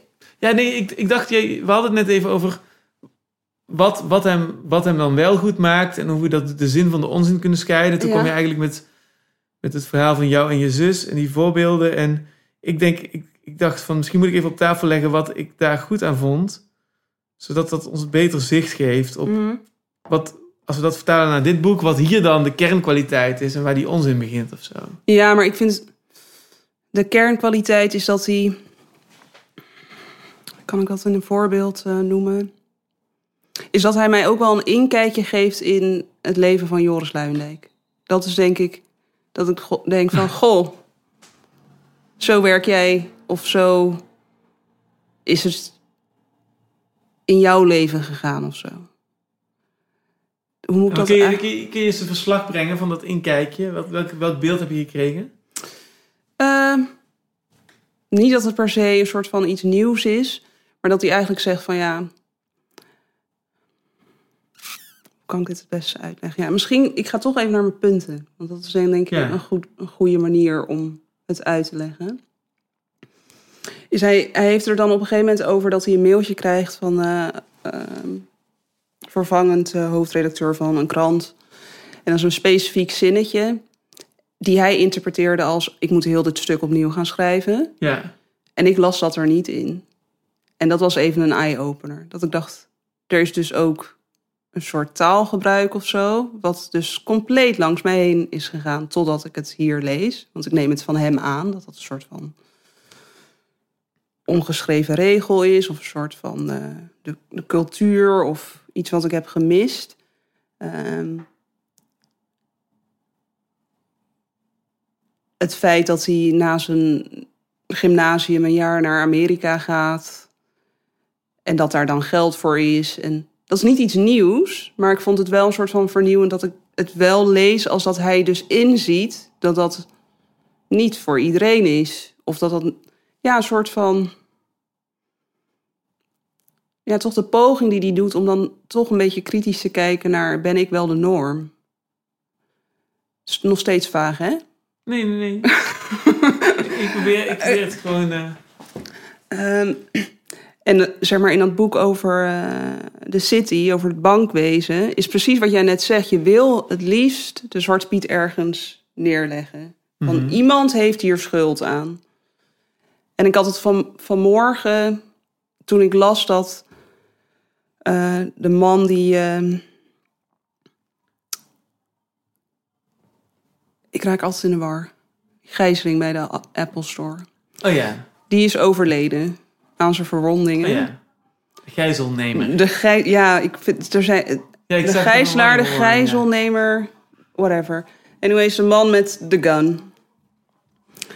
Dat ik het een beetje heb gevolgd van, goh, wat gebeurt daar nou eigenlijk? En tegelijkertijd ook een beetje walgelijk vond van, eh, waarom wil ik dit dan toch volgen? Waarom wil ik dan toch weten wat er is gebeurd? Nou, uiteindelijk, die man is eh, aangereden, de, de gegijzelde, gij- Anyways, Degene het sla- die de, gegijzeld de- werd? degene die gegijzeld werd, die is nu vrij. En dacht ik, oké, nu is nu kan ik dit hoofdstuk sluiten. En vanmorgen las ik dus dat de dader dood is. Die is aan zijn verwondingen overleden. En dan gaat er weer een luikje open. Want dat is dan via zijn advocaat. Die moeder heeft dat dan verteld. En ineens gaat er een ander hoofdstukje open. Dat ik denk, oh ja, maar van die kant had ik het helemaal niet bekeken. Van wat gebeurt er nou als hij het niet haalt? Weet je wel, daar gaat een... Dat is het volgende hoofdstuk in een nooit einde... eh, een boek met zonder einde, een soort van. Ja.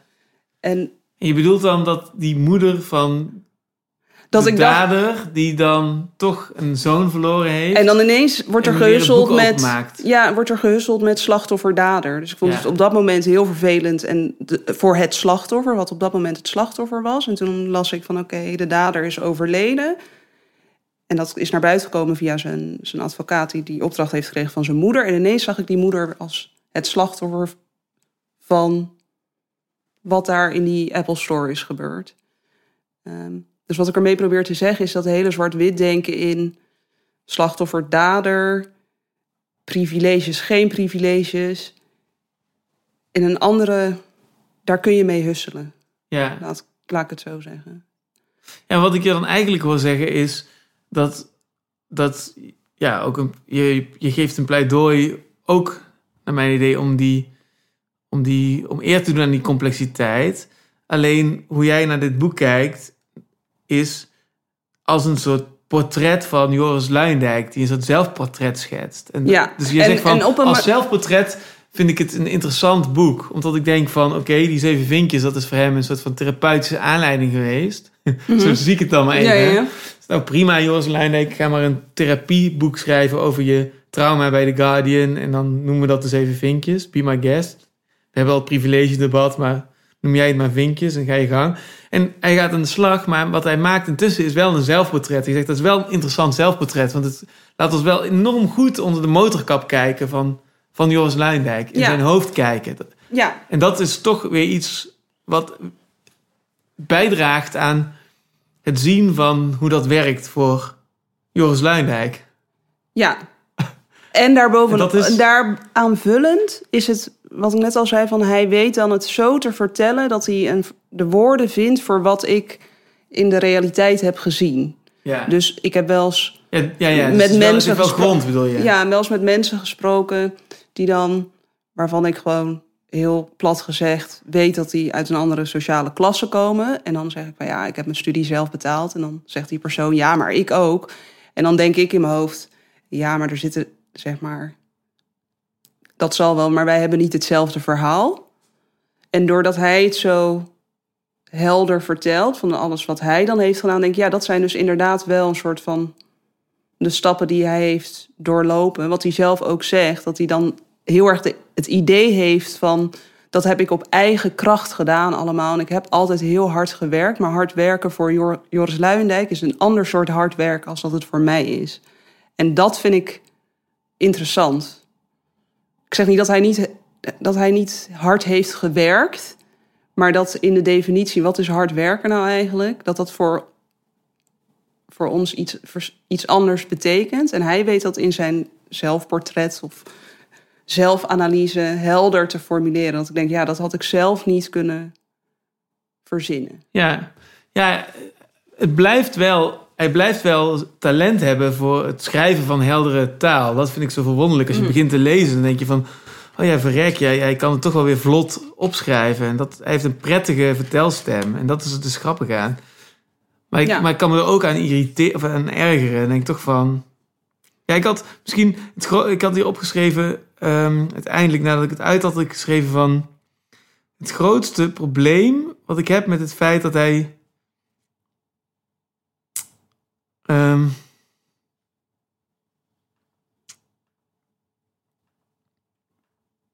het grootste probleem wat ik met dit boek heb, is dat hij eh, op een zeven vink manier gevoelig of openhartig of kwetsbaar is.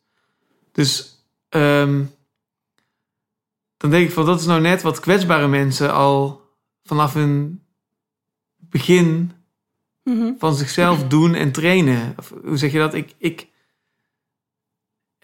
ik, ik zal niet zeggen dat ik een, eh, een eh, makkelijke route heb bewandeld. eh, van, oh, een soort van altijd in die niche cultuur als in dat kunstenaarschap Mhm. en een soort grillig bestaantje. Ja. Maar één ding is, is, is altijd min of meer vanzelf gegaan. En dat is gewoon dat ik, als ik mensen tref die ik kan vertrouwen, dan ben ik gewoon bijna by default van mezelf van nature openhartig en open en kwetsbaar. En daar Mhm.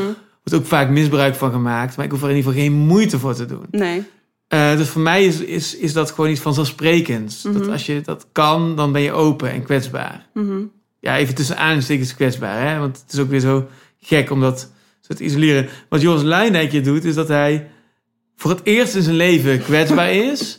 Maar dan wil hij ook instantly gewoon de volle 100% credits op een soort zevenvinkerige Ja, manier voor die kwetsbaarheid. Zo van, en dan gaat hij met zijn handen over elkaar, ook in dat programma, zo van: Ik ben toch gewoon kwetsbaar, omdat hij een dag kwetsbaar is. En dan zit hij met zijn handen van: Ik ben kwetsbaar en niemand waardeert dat en zo. Dan gaat hij daar een beetje. En dat vind ik hem de subtekst van dit boek. Ja. denk ik van ja, nu, nu als, je, als je het dan hebt al over van. Als ik al mee, mee zou doen aan dat, aan dat privilege debat Mhm. en de wereld zou analyseren in.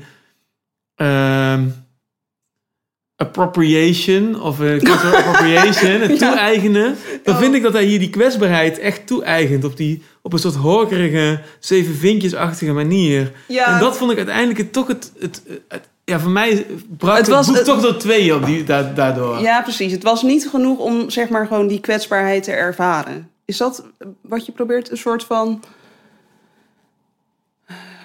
Ik vind hem dus niet kwetsbaar. Ik vind iemand die één dag kwetsbaar is en vervolgens meteen weer in zijn schulp schiet van ik was kwetsbaar en eh, vind ik dus niet kwetsbaar. Ik vind hem dus niet kwetsbaar. Ik vind hem niet Nee. open. Ik vind hem, ik vind dat hij de vorm van openheid heeft ge- gekozen, terwijl nu zou ik willen dat hij doorpakte en echt eventjes alle laadjes opentrekt van zijn Egypte-tijd en van Ja, zijn ja, ja. van zijn eh. Guardian-tijd en van wat het nou, weet je wel.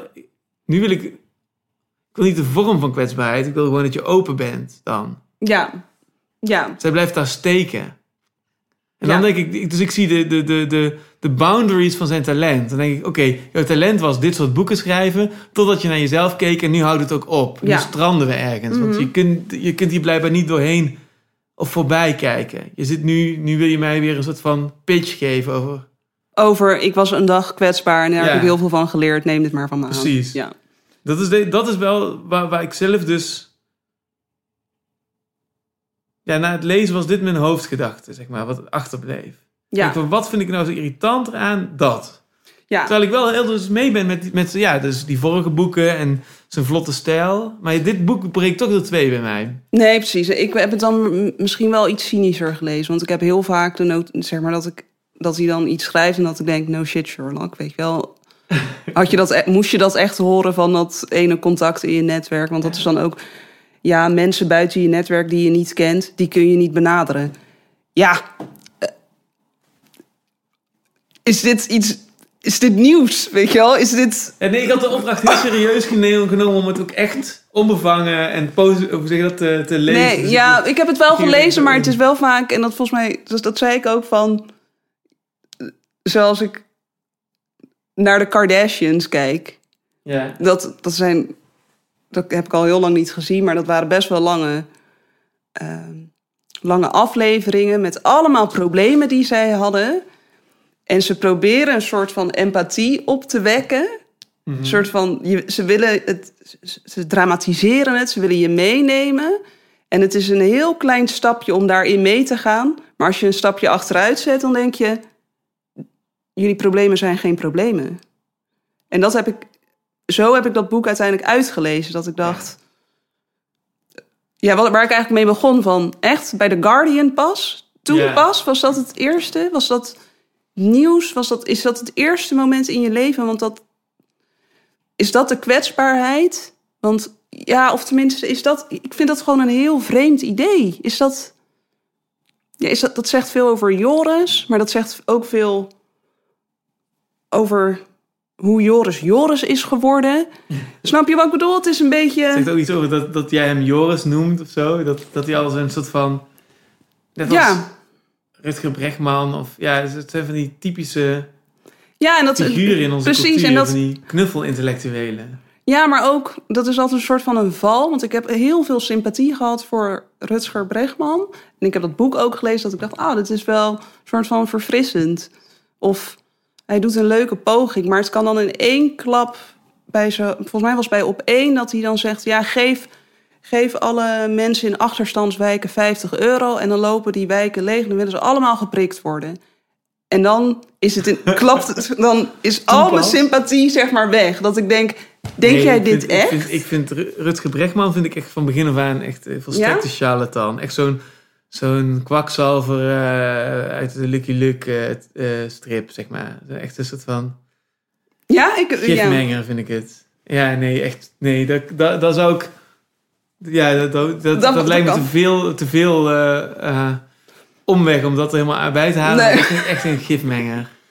Ja, ik vind, voor mij is het dan misschien een beetje naïef of zo. Dat ik dan in zo'n opmerking, Messias-complex, dat ik dan denk, jij weet, is 50 euro veel geld voor jou, Rutger? Waarschijnlijk niet. Dus 50 euro is ook niet heel veel voor iemand in een achterstandswijk. Wat zeg je nou eigenlijk? En dan slaat het door. Snap je ook Ja, dat het ja. een soort van... Ja, kijk, in, in de meeste mensen deugen heeft hij natuurlijk in zichzelf een heel groot probleem eh, gegeven, namelijk de holocaust. En de oplossing voor zijn probleem is dat hij zegt van ja, maar de meeste mensen deugen ook in die situatie, want iedereen schoot gewoon over elkaars hoofden heen met die geweren, snap je? Ja, maar dat, dat, dat, dat is gewoon al zo, dat je dat kan bedenken, dat mensen van nature gewoon goed zijn. En, eh, en, en in oorlogssituaties schieten ze langs elkaar heen. Ja, Dus maar, dat zeg maar dat valt, valt een beetje bij mij. Dat, dat zo'n hoofdstuk lees ik dan, zoals ik net zei, dat fantasy, zeg maar. Dat Ja, ik daar gelijk nou. al een beetje afstand van Nou, ik, ik, lees, ik lees dat ook. Ik heb dat boek ook helemaal gelezen. En ook flink eh, bij notities bij gemaakt. Ik heb dat serieus gelezen. Maar voor mij is dat een sleutelscène. Zoals Mhm. die stroopwafels van Rob Wijnberg. En zoals die Guardian eh, bij op het kantoortje zitten. Weet je, ik geloof heel erg in die oerscènes. Die defining moments. Mhm. Die heel veel zeggen over... Ja, bij, bij Rutger Bregman dacht ik van... Bij, bij eerdere hoofdstukken van het boek dacht ik nog van... Nou, oké, ik ga mee met hoe je kijkt. Ik probeer het te volgen hoe jij het wil zien. Mhm. Toen dacht ik echt van... Ja, oké, nee, nee, nu ben je wel echt eh, af. Ja. Ja, nou, en bij mij is dat dan pas eh, later. Maar ik niet ook een soort van fan ben, net als dat net ook al zei, Joris Luindijk heeft geen actieve rol in mijn waardeoordeel over mensen. Het is alleen dat ik dan denk, sterker nog, ik had waarschijnlijk nooit meer iets van hem gelezen als niet er zoveel kritiek was op dat boek. Of is op dat boek, terwijl het boek niet is gelezen. Ja, Ja, dat is het het is meer. hetzelfde verhaal eigenlijk. Ja. Ja. Het is ook, eh, want ik had het net al over de correspondent in Amerika. Er zit ook een hele grappige passage in hoe dat dan begint. Dat, ehm, dat ehm, je aan de ene kant dus de correspondentmannen hebt en aan de andere kant heb je Blendel. En die zitten met elkaar, voordat die twee bedrijven bestaan, zitten ze in een soort discussie van, waarbij volgens mij Rob Wijnberg beweert van nee, de, de vernieuwing van de journalistiek moet komen vanuit het concept van de nieuwsgierigheid van correspondenten volgen. Mhm. En Blendel, ehm, die jongen van Blendel, heet je ook weer, die zegt al van nee, de vernieuwing moet komen vanuit de kranten, dat die artikelen niet meer aan één krant gebonden zijn, maar dat Nee. je gewoon een, kan, ook daarin je interesses kan volgen. Mhm. En Luijendijk zegt dus weer van nee, de vernieuwing moet komen vanuit dat, dat ik als persoon een, mijn eigen nieuwsgierigheid mag volgen. En wat ik interessant vind is dus dat carrière maken tegenwoordig dan betekent dat je dus naar Amerika gaat. Luijendijk gaat ook in Amerika studeren. En zij gaan dan ook in Amerika een krant opzetten. En dus je Ja, wil dan ja. dromen dat je Obama kan ontmoeten. En dat je via die weg de journalistiek gaat vernieuwen. En dus het gaat niet om. In, of, en al die drie vo- voorbeelden van die journalistieke vernieuwingen. gaat het dus niet om dat wat je aantreft. maar omdat jij de bedenker Denker bent bent. van het nieuwe format. Of het nou Blendel, Mhm. de correspondent of de Joris Luijendijk methode is. Mhm. En dit zijn dan, en, en Brechtman is dan ook een afgevaardigde van de correspondent. En, en de, de belichaming van die succesvolle formule. Mhm. Dus hier zie je dat wat in Nederland wordt opgepikt, zijn dus niet zozeer. Ja, dat zijn dus van die concepten of van die benaderingen Ja. waarbij het gaat over de ego van degene die die vernieuwing heeft doorgevoerd. Precies. En het precies. is linksom of rechtsom allemaal flauwekul. Mhm. En, en, en, en dit is iets wat je twintig jaar geleden al zag, snap je? Dus ik snap al niet dat je in dat... Als je echt ambitie hebt, waarom Mhm. ga je dan daar zoeken, snap je? Waarom wil Ja, je dan... ja. Waarom laat je je ego zo gelden in die zoektocht? En Mhm. dat is denk ik wat ik in al die voorbeelden zie. Snap Ja, maar dat, maar dat kun je eigenlijk over. Dan heb je het nu specifiek over journalistiek, maar dat, dat het, wat ik ook. Ja, en tot dat nu Met- de niches waar Ja, we ja, zoeken, hè? Maar, Maar dat is eigenlijk bij alles en iedereen waarvan ik het idee heb. Ja, hoe moet ik dat? Ik zei het van, van de week tegen een vriend: van ik vind eigenlijk mensen heel beangstigend die echt denken dat ze vernieuwend zijn en er zelf in gaan geloven. Of die echt denken dat zij de waarheid in pacht hebben. En daar dus op een gegeven moment heel ja, blind, ja, dat ze zich daarop blind staren. Ehm, dat vind ik een soort van. Als iemand mij met volle overtuiging iets als volle waarheid verkoopt, dan ben ik gelijk al een beetje terughoudend. Dat ik denk, ah, Ja. ik weet het niet. Als het te mooi is om, klinkt om waar te zijn, dan is het waarschijnlijk niet waar. En ook het verschil is dan. Je hebt dan specifiek al over Rutger. Bij mij is dat dan een, een kleine opmerking die dat kan, ineens kan om laten slaan. Ehm, waardoor, ja. En tegelijkertijd als het gaat over journalistiek of het schrijven van boeken of ja, hoe moet ik dit zeggen? Waar wil ik heen? Ik denk even hardop na. Is dat ik het dat je zo in een, een hoek wordt geduwd van je moet dit leuk vinden en als je dit hebt gekozen dan blijf je daar aan vasthouden. Ehm, ja. Ik Ja, nu is- vast. Nu je dit zo van- zegt. Nee, maar nu je dit zo zegt, ik ben erover aan het nadenken terwijl je praat van, is dat dan niet iets wat mensen zoals Joris Luijendijk van huis uit meekrijgen dat dat moet om. Nee, of een ander, misschien een ander voorbeeld. Dus we zijn nu in Rotterdam.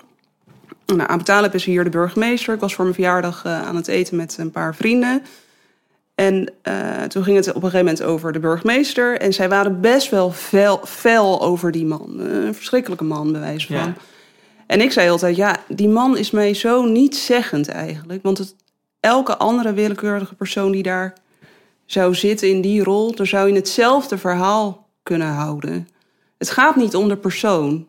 Ja, Ehm, en dat is dan ehm, misschien toch wel een soort van de mildheid die ik dan meer heb. Dat ik eerst sympathie kan hebben voor een Rutger. En door iets heel kleins kan denken... jij bent eigenlijk een hele nare man. ja. maar, Dat- maar als, ik, als ik jouw voorbeelden hoor, dan neem je ze eigenlijk, zowel Joris Luijendijk als Rutger Brechtman, je neemt ze wel serieus als mens, want je gaat wel die boeken lezen, maar als je die boeken leest, dan, dan zit er toch een distantie of een soort van.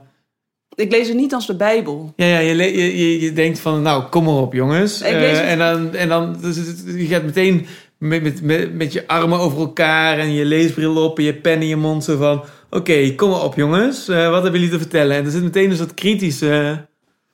Ja, of tenminste niet kritisch, maar ik heb niet al te hoge verwachtingen. Ja, ik denk gewoon, nou, ik ga dat boek lezen omdat ik, ja, wat ik zeg, als dat ik zo'n Joris zo zielig zo zie Ja. strompelen, dan denk ik, ja, ik wil dan toch wel, Ja. ik wil hem een, een fair, eh, een faire kans geven, gewoon van, oké, laten we dan eens kijken wat je hebt geschreven. Is het het beste wat ik ooit heb gelezen? Nee, ik heb vaak momenten gehad dat ik dacht, no shit Sherlock, weet je wel, nu pas, heb je dit nu pas door? Of nee, dit klopt ook niet helemaal wat je hier zegt. Het is weer een soort van anekdotisch bewijs voor de biculturele mensen met een migratieachtergrond. Dan denk ik, nou, dat is dus helemaal. Ik voel me daar niet door aangesproken. Eh, en dan kan ik het boek weer dicht doen en dan was dat het. Maar dan, dan, ben je, dan ben je toch ook, denk ik, ehm, geïnteresseerd in wie specifiek Joris Luijendijk of Rutger Brechtman is. En die mensen daarachter. En dus niet, zij beschrijven dan boeken waarin ze dat proberen te theoretiseren. Ja, En je denkt bij die theorieën van... Oké, dat is jullie wolkje. Je moet je bewijzen in de wereld. Je wil credits, je wil erkenning. Je wil een held zijn. Prima, ik zal het ook wel even lezen wat er in die inhoud staat. Maar die inhoud is voor jullie ook niet belangrijk. Want jullie journalistieke vernieuwing is belangrijker dan wat daar staat. Ja. Voor mij is het ook niet belangrijk. Maar ik ben wel geïnteresseerd in je als mens. En, en, da, en da, dus dat, dat vind ik grappig. Want, want dat sluit dan best wel aan bij wat ik ook... Ja, weet ik, van een half uur geleden ook zei van... Van gaat het niet veel meer over het portret Joris Luijendijk? ja. Ja, We hebben niet interesse in wie is toch die man daarachter? Wie is, wie is dat? Wie komt er tevoorschijn? Ehm, Waar- waarom ben je dat boek gaan lezen? ja, wel echt gewoon wat ik zeg, dat ik het gewoon zielig vond op een gegeven moment. Je wordt uitgenodigd, stel ik word uitgenodigd om te vertellen over, Ja. Eh, weet ik veel, ehm, wat vind ik leuk om eh, te vertellen. Nou, over een boek wat je hebt geschreven. ik heb een boek geschreven. Ik, ik word uitgenodigd, leuk, weet je wel. Want Ja. dan wordt mijn boek verkocht. En vervolgens krijg ik twee mensen tegenover me... die gaat gaan, gaan hebben over Ja. het klimaat. Weet je wel, dan denk Ja. ik... Hé, weet je wel, dat, waar gaat dit over? Ja, ja, Wat is het voor... het. Dus stel je hebt een boek geschreven en, en dat gaat over jou en je zus en jullie twee routes. En daarin probeer je eigenlijk uiting te geven aan hoe, hoe dat verkeerd begrepen wordt en gegeneraliseerd in Nederland. En, en je komt in een televisieprogramma en, en ja, we hebben natuurlijk ook... eh, Ja, en dan, en dan twee tegenkleuren. Een eh, extreem rechts iemand uitgezocht. En we hebben nog eh, iemand die een broer heeft. ja, en ook een beetje hetzelfde als dat... Ja, hoe moet ik dat zeggen? Laat ik, het, ik ben een keer... ehm, heb ik meegedaan aan een soort van... soort talkshow, live talkshow. Dat was dan via... via kwam die vraag bij mij van... Goh, we gaan... ehm, interracial... Is daar een Nederlands woord voor? Interraciaal. Ja, eh, ja, dat klinkt ook al meteen zo. Ja, mijn, mijn man is Nederlands, ik ben dan... Mijn ouders komen uit Marokko. En toen zei ze, ja, we houden een, een, een, een, talkshow, live talkshow. Eh, Robert Vuijsje komt ook met zijn vrouw en dan gaan we het daarover hebben. En is misschien een beetje ijdelheid of zo. kan ook niet meer helemaal terughalen waarom ik daar ja op heb gezegd. Ja, misschien wel een beetje ijdelheid. En dat ik dacht, nou, dan kan ik nu een heel mooi genuanceerd verhaal vertellen over wat liefde eigenlijk is. Was, het ging over de liefde. En na twee minuten op dat podium dacht ik al, de clichés. Wat vonden jouw ouders ervan, ML? En wat vond en hoe was het lastig voor jou in jou? En toen raakte ik me- meteen werd ik werd het platgeslagen dat ik dacht, nee, maar hier wil ik dus niet aan meedoen. En dan word ik een beetje, ja. Dus dat zou net zoiets zijn als dat ik, dat ik en mijn zus samen een boek schrijven over eh, het super ingewikkelde leven wat we hebben gehad. En dat we daar voornamelijk in vertellen, ja, maar het heeft niks met onze etniciteit te maken. En dat ik dan aan, bij, aan zo'n tafel kom en dan zeggen ze, nou, hoe is dat voor jullie als Marokkaanse vrouwen? Ja. Ja, dan, ik heb daar helemaal geen zin in dan. Want je maakt het plat, je maakt het simpel, je maakt het in namen en stickertjes die je op mensen kan plakken. En als je, als je me dan vraagt van, waarom ga je dat boek dan lezen? Dan denk ik, nou, ik denk niet dat eh, Joris een hele, de, de devil himself is. Ik vind het een beetje zielig hoe erop wordt gereageerd. Weet je wat, Joris? Ik ga je boek lezen. Ja. En dan voel ik me de barmhartige Samaritaan die vervolgens... Het is, het is geen... Is het beste boek wat ik ooit heb gelezen? Nee. Doet hij een soort van schattige poging? Ja. Maar ik, ik bekijk er dan toch wel een beetje van arme... Als we dan terugbrengen naar die vinkjes, Ja. dan ben ik heel blij dat ik ze niet heb. Arme, ijdele Joris en zijn schattige poging. Dat is, dat is wat het boek een beetje is. Een soort Ja. van een poging tot kwetsbaarheid die niet kwetsbaar is. Ja, en Eh, maar het is wel een, een schattige, lieve poging van een man die het ook niet weet. En dat probeert te theoretiseren, zodat hij misschien toch nog die journalistiek kan vernieuwen. Zo. Ja, maar dat is. Ik heb, ik heb het gisteren nog een keer doorgenomen. En dan was er ook zo'n zinnetje. Ja, maar hoe kan ik gediscrimineerd worden als witte hetero? En dan denk ik alleen maar: jij bent zo vaak gediscrimineerd zonder dat je het door Ja, had. ja, ja, dat denk ik ook. Van, het is heel makkelijk. Ik bedoel, ik snap ook niet... Ik, hoe zeg- wat ik nu ga zeggen klinkt misschien een beetje flauw en dom. Ik ga toch zeggen... ehm, ik heb dat niet. Dat als ik tv kijk, dat, dat alle helden... Dat, dat, dat ik me daarmee identificeer. Mhm. Hij heeft zo'n hele opsomming van Ja, ja, ja. allemaal helden van, van, van, van tekenfilms, films, stripboeken enzovoort, kinderboeken. Ik heb dat nooit gehad. Ik identificeer me helemaal niet met die, met die... Dat is misschien ook raar van mij of zo. Of misschien dat, ik, dat jij nu van mij zegt van... Ja, nee, kom op, dat kun je niet zeggen, want dat werkt anders. Maar ik, ik heb mezelf altijd geïdentificeerd met de outcast... of de vreemdeling of de beetje rare Mhm. Persoon die op de zijkant aan de zijlijn staat en zo. Ik heb altijd, dan denk ik, ah, hier staat mijn poppetje. Ja, precies. Maar dat is net als dat ehm, in films nu en diversiteit en meer mensen van kleur op tv. Dan denk ik alleen maar: ja. hmm, Zo'n buitenkant Het, het is argument. zo'n. de- eh, ja. Een ander. Ja, nee, ik ga dat. Nee. Ik probeer een voorbeeld te noemen. Dat is, Ik ook iets wel- wat, wat- dat is ook iets wat hij zegt van ja, als je dan ouders hebt die hier niet zijn geboren, dan heb je al. Wil je ook nog koffie? Oh, nee hoor. Dat, ehm, dat als je ouders hebt die hier niet zijn geboren, dan mis je een soort van de subtekst van bepaalde, bepaalde grapjes en noem Ja. maar op. En dan ontstaat er uiteindelijk, als je dan je, je klasse ontstijgt, ontstaat er een kloof met waar je vandaan komt. Ja. Is niet zo. Want ik heb dat niet zo ervaren. Ja. Dus zeg maar, mijn vader is eerste generatie migrant die eind jaren. Nou, wanneer was het? Ik weet het niet. Heel vroeg al in Nederland was. Ehm, en wij keken voornamelijk naar de VPRO. En daarmee leer je dus wel een soort van. krijg je een soort van cultuur mee. En toen ik eenmaal ging studeren, was het ook niet dat mijn ouders niet meer helemaal begrepen wat ik deed. Mijn moeder misschien minder dan mijn vader, maar die interesse en die nieuwsgierigheid vooral, die bleef. En dat is het meer dat, ik, dat als, ik, als we het boek uit hebben gelezen, dan denk ik: oké, Joris is dus nooit nieuwsgierig geweest naar andere mensen. Ja. Wat opvallend is voor iemand die zo lang eh, Egypte-correspondent is. Dat vind ik er zo maf aan. Dat, dat is misschien wel zijn grootste wapenfeit. Hè? Dat hij vijf, zes jaar of zo, weet ik veel hoe lang, in Egypte zat. Ja, denk je van, ja, dat, dat kun je toch niet zitten en geen interesse hebben voor. ja maar ik denk ook wel dat hij een soort van interesse had, maar wel vanuit zijn norm. Ja. En daarom is het dan ook dat hij een soort van de woorden kan vinden in zo'n boek.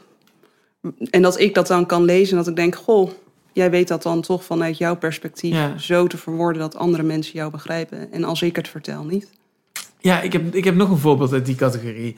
Want wat ik heel goed vond in zijn boek over, eh, over Egypte... is dan die passages die over 9-11 gaan. Dat is, Volgens mij is het in 2002 geschreven, 2003. En als je dat nu leest, dan denk je van... wow, dat is zo, zo kort op 9-11. En toch geeft hij zo'n doorvrochte analyse van, van 9-11. Hoe dat, wat, dat, wat het ressentiment van het Midden-Oosten... eh, hoe dat correleert met wat uiteindelijk eh, tot die aanslag leidt. En hoe, hoe dat ook weer te maken heeft natuurlijk met ja, de geschiedenis van, van, van, van het Midden-Oosten. Hoe Dat kun je helemaal terug herleiden Mhm. tot de Fransen en de Engelsen honderd jaar eerder. Hoe dan de Amerikanen komen in de jaren zestig. Hoe die al die olie wegsluizen. En de bevolking die het nakijken heeft. En hoe Mhm. dat... En dan heb je nog de golfoorlogen. En weet je wel, dat, dat, die hele complexiteit Ja. die in tv wordt overgeslagen. En als je dan dat, dat boek weer oppakt van Lui, denk, denk je, oh ja, dat heeft hij er allemaal best wel helder ook al op, opgeschreven, daags daarna.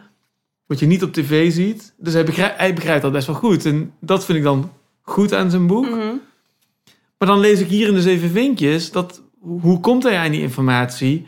Dat hij in Amerika een jaar eh, daar zit en in die spoelkeuken staat en met mensen, met Egyptenaren of met mensen van, van, staat te kletsen die dat allemaal hem vertellen. Ja, precies. Dat En dan wat ik er zo maf aan vind, dan denk ik van, hè, maar ja, ik ben dan misschien tien jaar later dan hij. Ik ben, ik ben van 1980, hij is van 71, dus ik ben net iets, iets later. Maar, maar ik maakte dat op uit de films die ik zag uit Amerika, bij wijze van spreken. Een hele anti-Ameri- mijn hele anti-Amerika houding van toen ik tiener was. Toen was ja, als tiener ben je altijd iets overdrevener in je Mhm. houding. Maar ik, ik, voor mij was het gewoon klip en klaar dat dat, dat, dat, dat, dat imperialistische eh, gedrag van Amerika, wat daar de, ja, dat, toen 9-11 kwam, toen dacht je van, eh, van ja, dat is natuurlijk een reactie daarop. Of zo. En, Ja.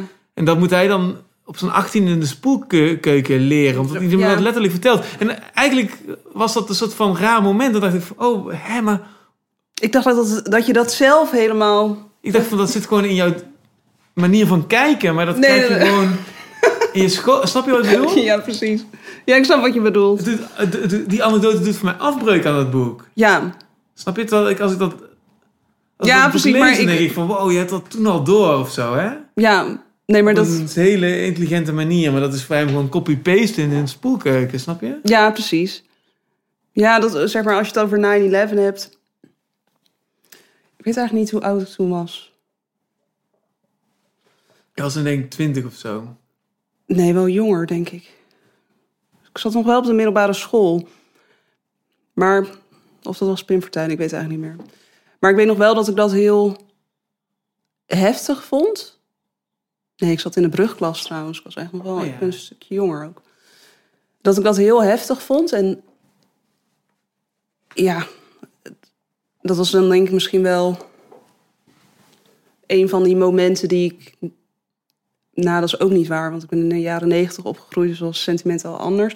Maar wij hadden bijvoorbeeld geen schotel thuis, heel lang, totdat ik uit huis ging. Dus misschien was ik wel twintig, zoiets. Maar ik weet nog dat we, eh, toen ik eenmaal uit huis was, dus waren mijn ouders alleen, samen bleven ze achter. Mijn moeder wilde heel lang een schotel. Mijn vader zei nee, dat gaan we niet doen, want we hebben kinderen die hier blijven, dus. En toen op een gegeven moment had hij schotel, ging mijn vader El Jazeera kijken. En toen zag ik een soort van boosheid bij hem ontstaan. Hij zei ja, 9-11 en dan zie je die beelden op de NOS. Hij zegt maar als je het op El Jazeera bekijkt, dan zie je dat die videoboodschap van Bin Laden veel langer duurt. En dat er ook inhoudelijk dingen worden gezegd. En in die boosheid dacht ik dan van, oh ja, daar zit. Ja, Het is helemaal niet zo zwart-wit. Het is Ja. niet.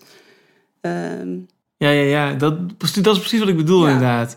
Ik weet dat we, ik, had, ik, ik, ik, had, ik had de eerste dag van de kunstopleiding die toen volgde. En wij stonden in de, in de foyer stonden wij dat te Mhm. kijken. En ik weet nog dat, eh, dat we in de namiddag een gesprek hadden van... kunnen we nog wel kunst maken in tijden van dat... Weet je wel? En ik dacht echt van... zijn jullie gek geworden of zo? Van, Ja. Ik snapte gewoon niet hoe plat iedereen... Snap je dat mensen zich niet konden verplaatsen in die vers- verschillende Mhm. perspectieven... die er tot botsing komen. Ik snapte, je snapt natuurlijk allemaal hoe verschrikkelijk dat moet zijn... maar het is ook zo, zo'n platitude om, om meteen ja. Daar, daarin te schieten. Hè? Zo Ja. em- empathie voor de slachtoffers. Terwijl Mhm. natuurlijk wil je begrijpen wat er gebeurt. Want je ziet het onbegrijpelijke. Ja. En dat wordt meteen teruggebracht tot zoiets plats of zo. Hè? Mhm. Je moet daar aan meedoen. Je moet meedoen aan die platheid. Weet je wel? Ja, je moet er iets van vinden. En het liefst ook vijf minuten nadat er zoiets gebeurt. Je moet dan al meteen meegaan in... eh, dat zijn de daders. En wat daarachter ligt is helemaal niet interessant. Ja. Ehm, dat is dan... 9-11 is dan... Wat ik zeg, daar heb ik niet een hele actieve herinnering van. Alleen dat ik dat toen heel erg zag bij mijn vader ook. Dat ineens dacht van... Ja, die heeft natuurlijk ook al gewoon Nederlands tv gekeken. Altijd het NOS-journaal. En ineens viel er bij hem ook een soort van... Ze, ze houden ons voor de gek. Ze houden ons, Ja. ze schotelen ons iets voor om het... Niet in die bewoording, maar uiteindelijk het soort van makkelijker te maken... en dan te gaan wijzen naar dat, dat zijn de mensen. En dat ik ook nog wel weet dat ik ook in gesprekken... Ja, want dat, dat heb ik...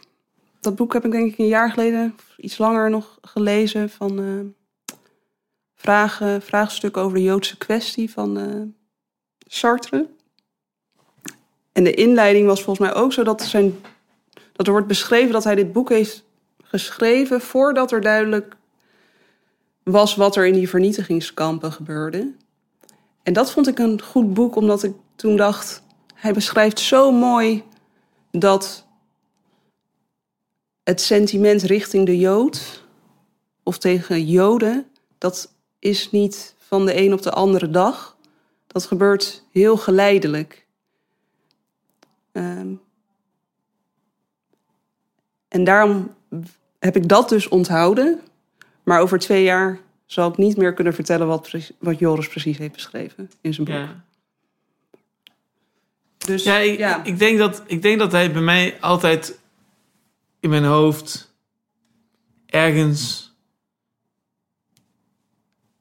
ehm, gecategoriseerd werd als iemand die in ieder geval toch wel een vlotte pen heeft en het in ieder geval wel doorziet vanwege zijn boek over Egypte en zijn boek over de banken.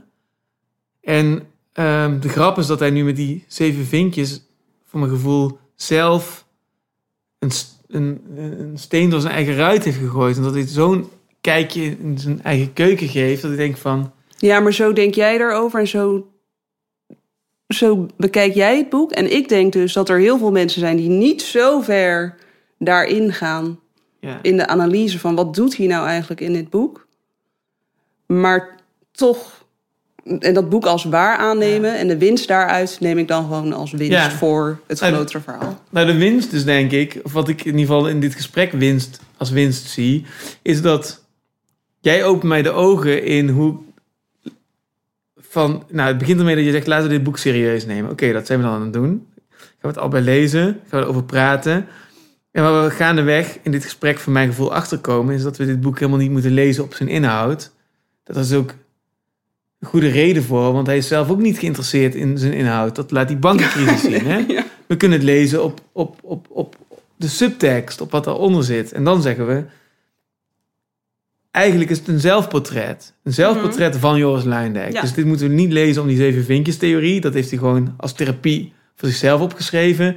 Maar wat voor zelfportret komt hier nou uit? Dit is een zelfportret van hemzelf of mannen zoals Joris Luijendijk. En het zegt iets over de oppervlakkigheid, vind ik, van publieke intellectuelen in Nederland. En Mhm. dat vind ik, dat portretteert hij hiermee. Die doen, voldoen allemaal een beetje aan die, wat hij dan zeven vinkjes noemt. Ja, Maar wa- waarin, waarin het mij opvalt, is dat er ergens een soort luiheid zit in hoe ze hun onderwerp benaderen. mhm.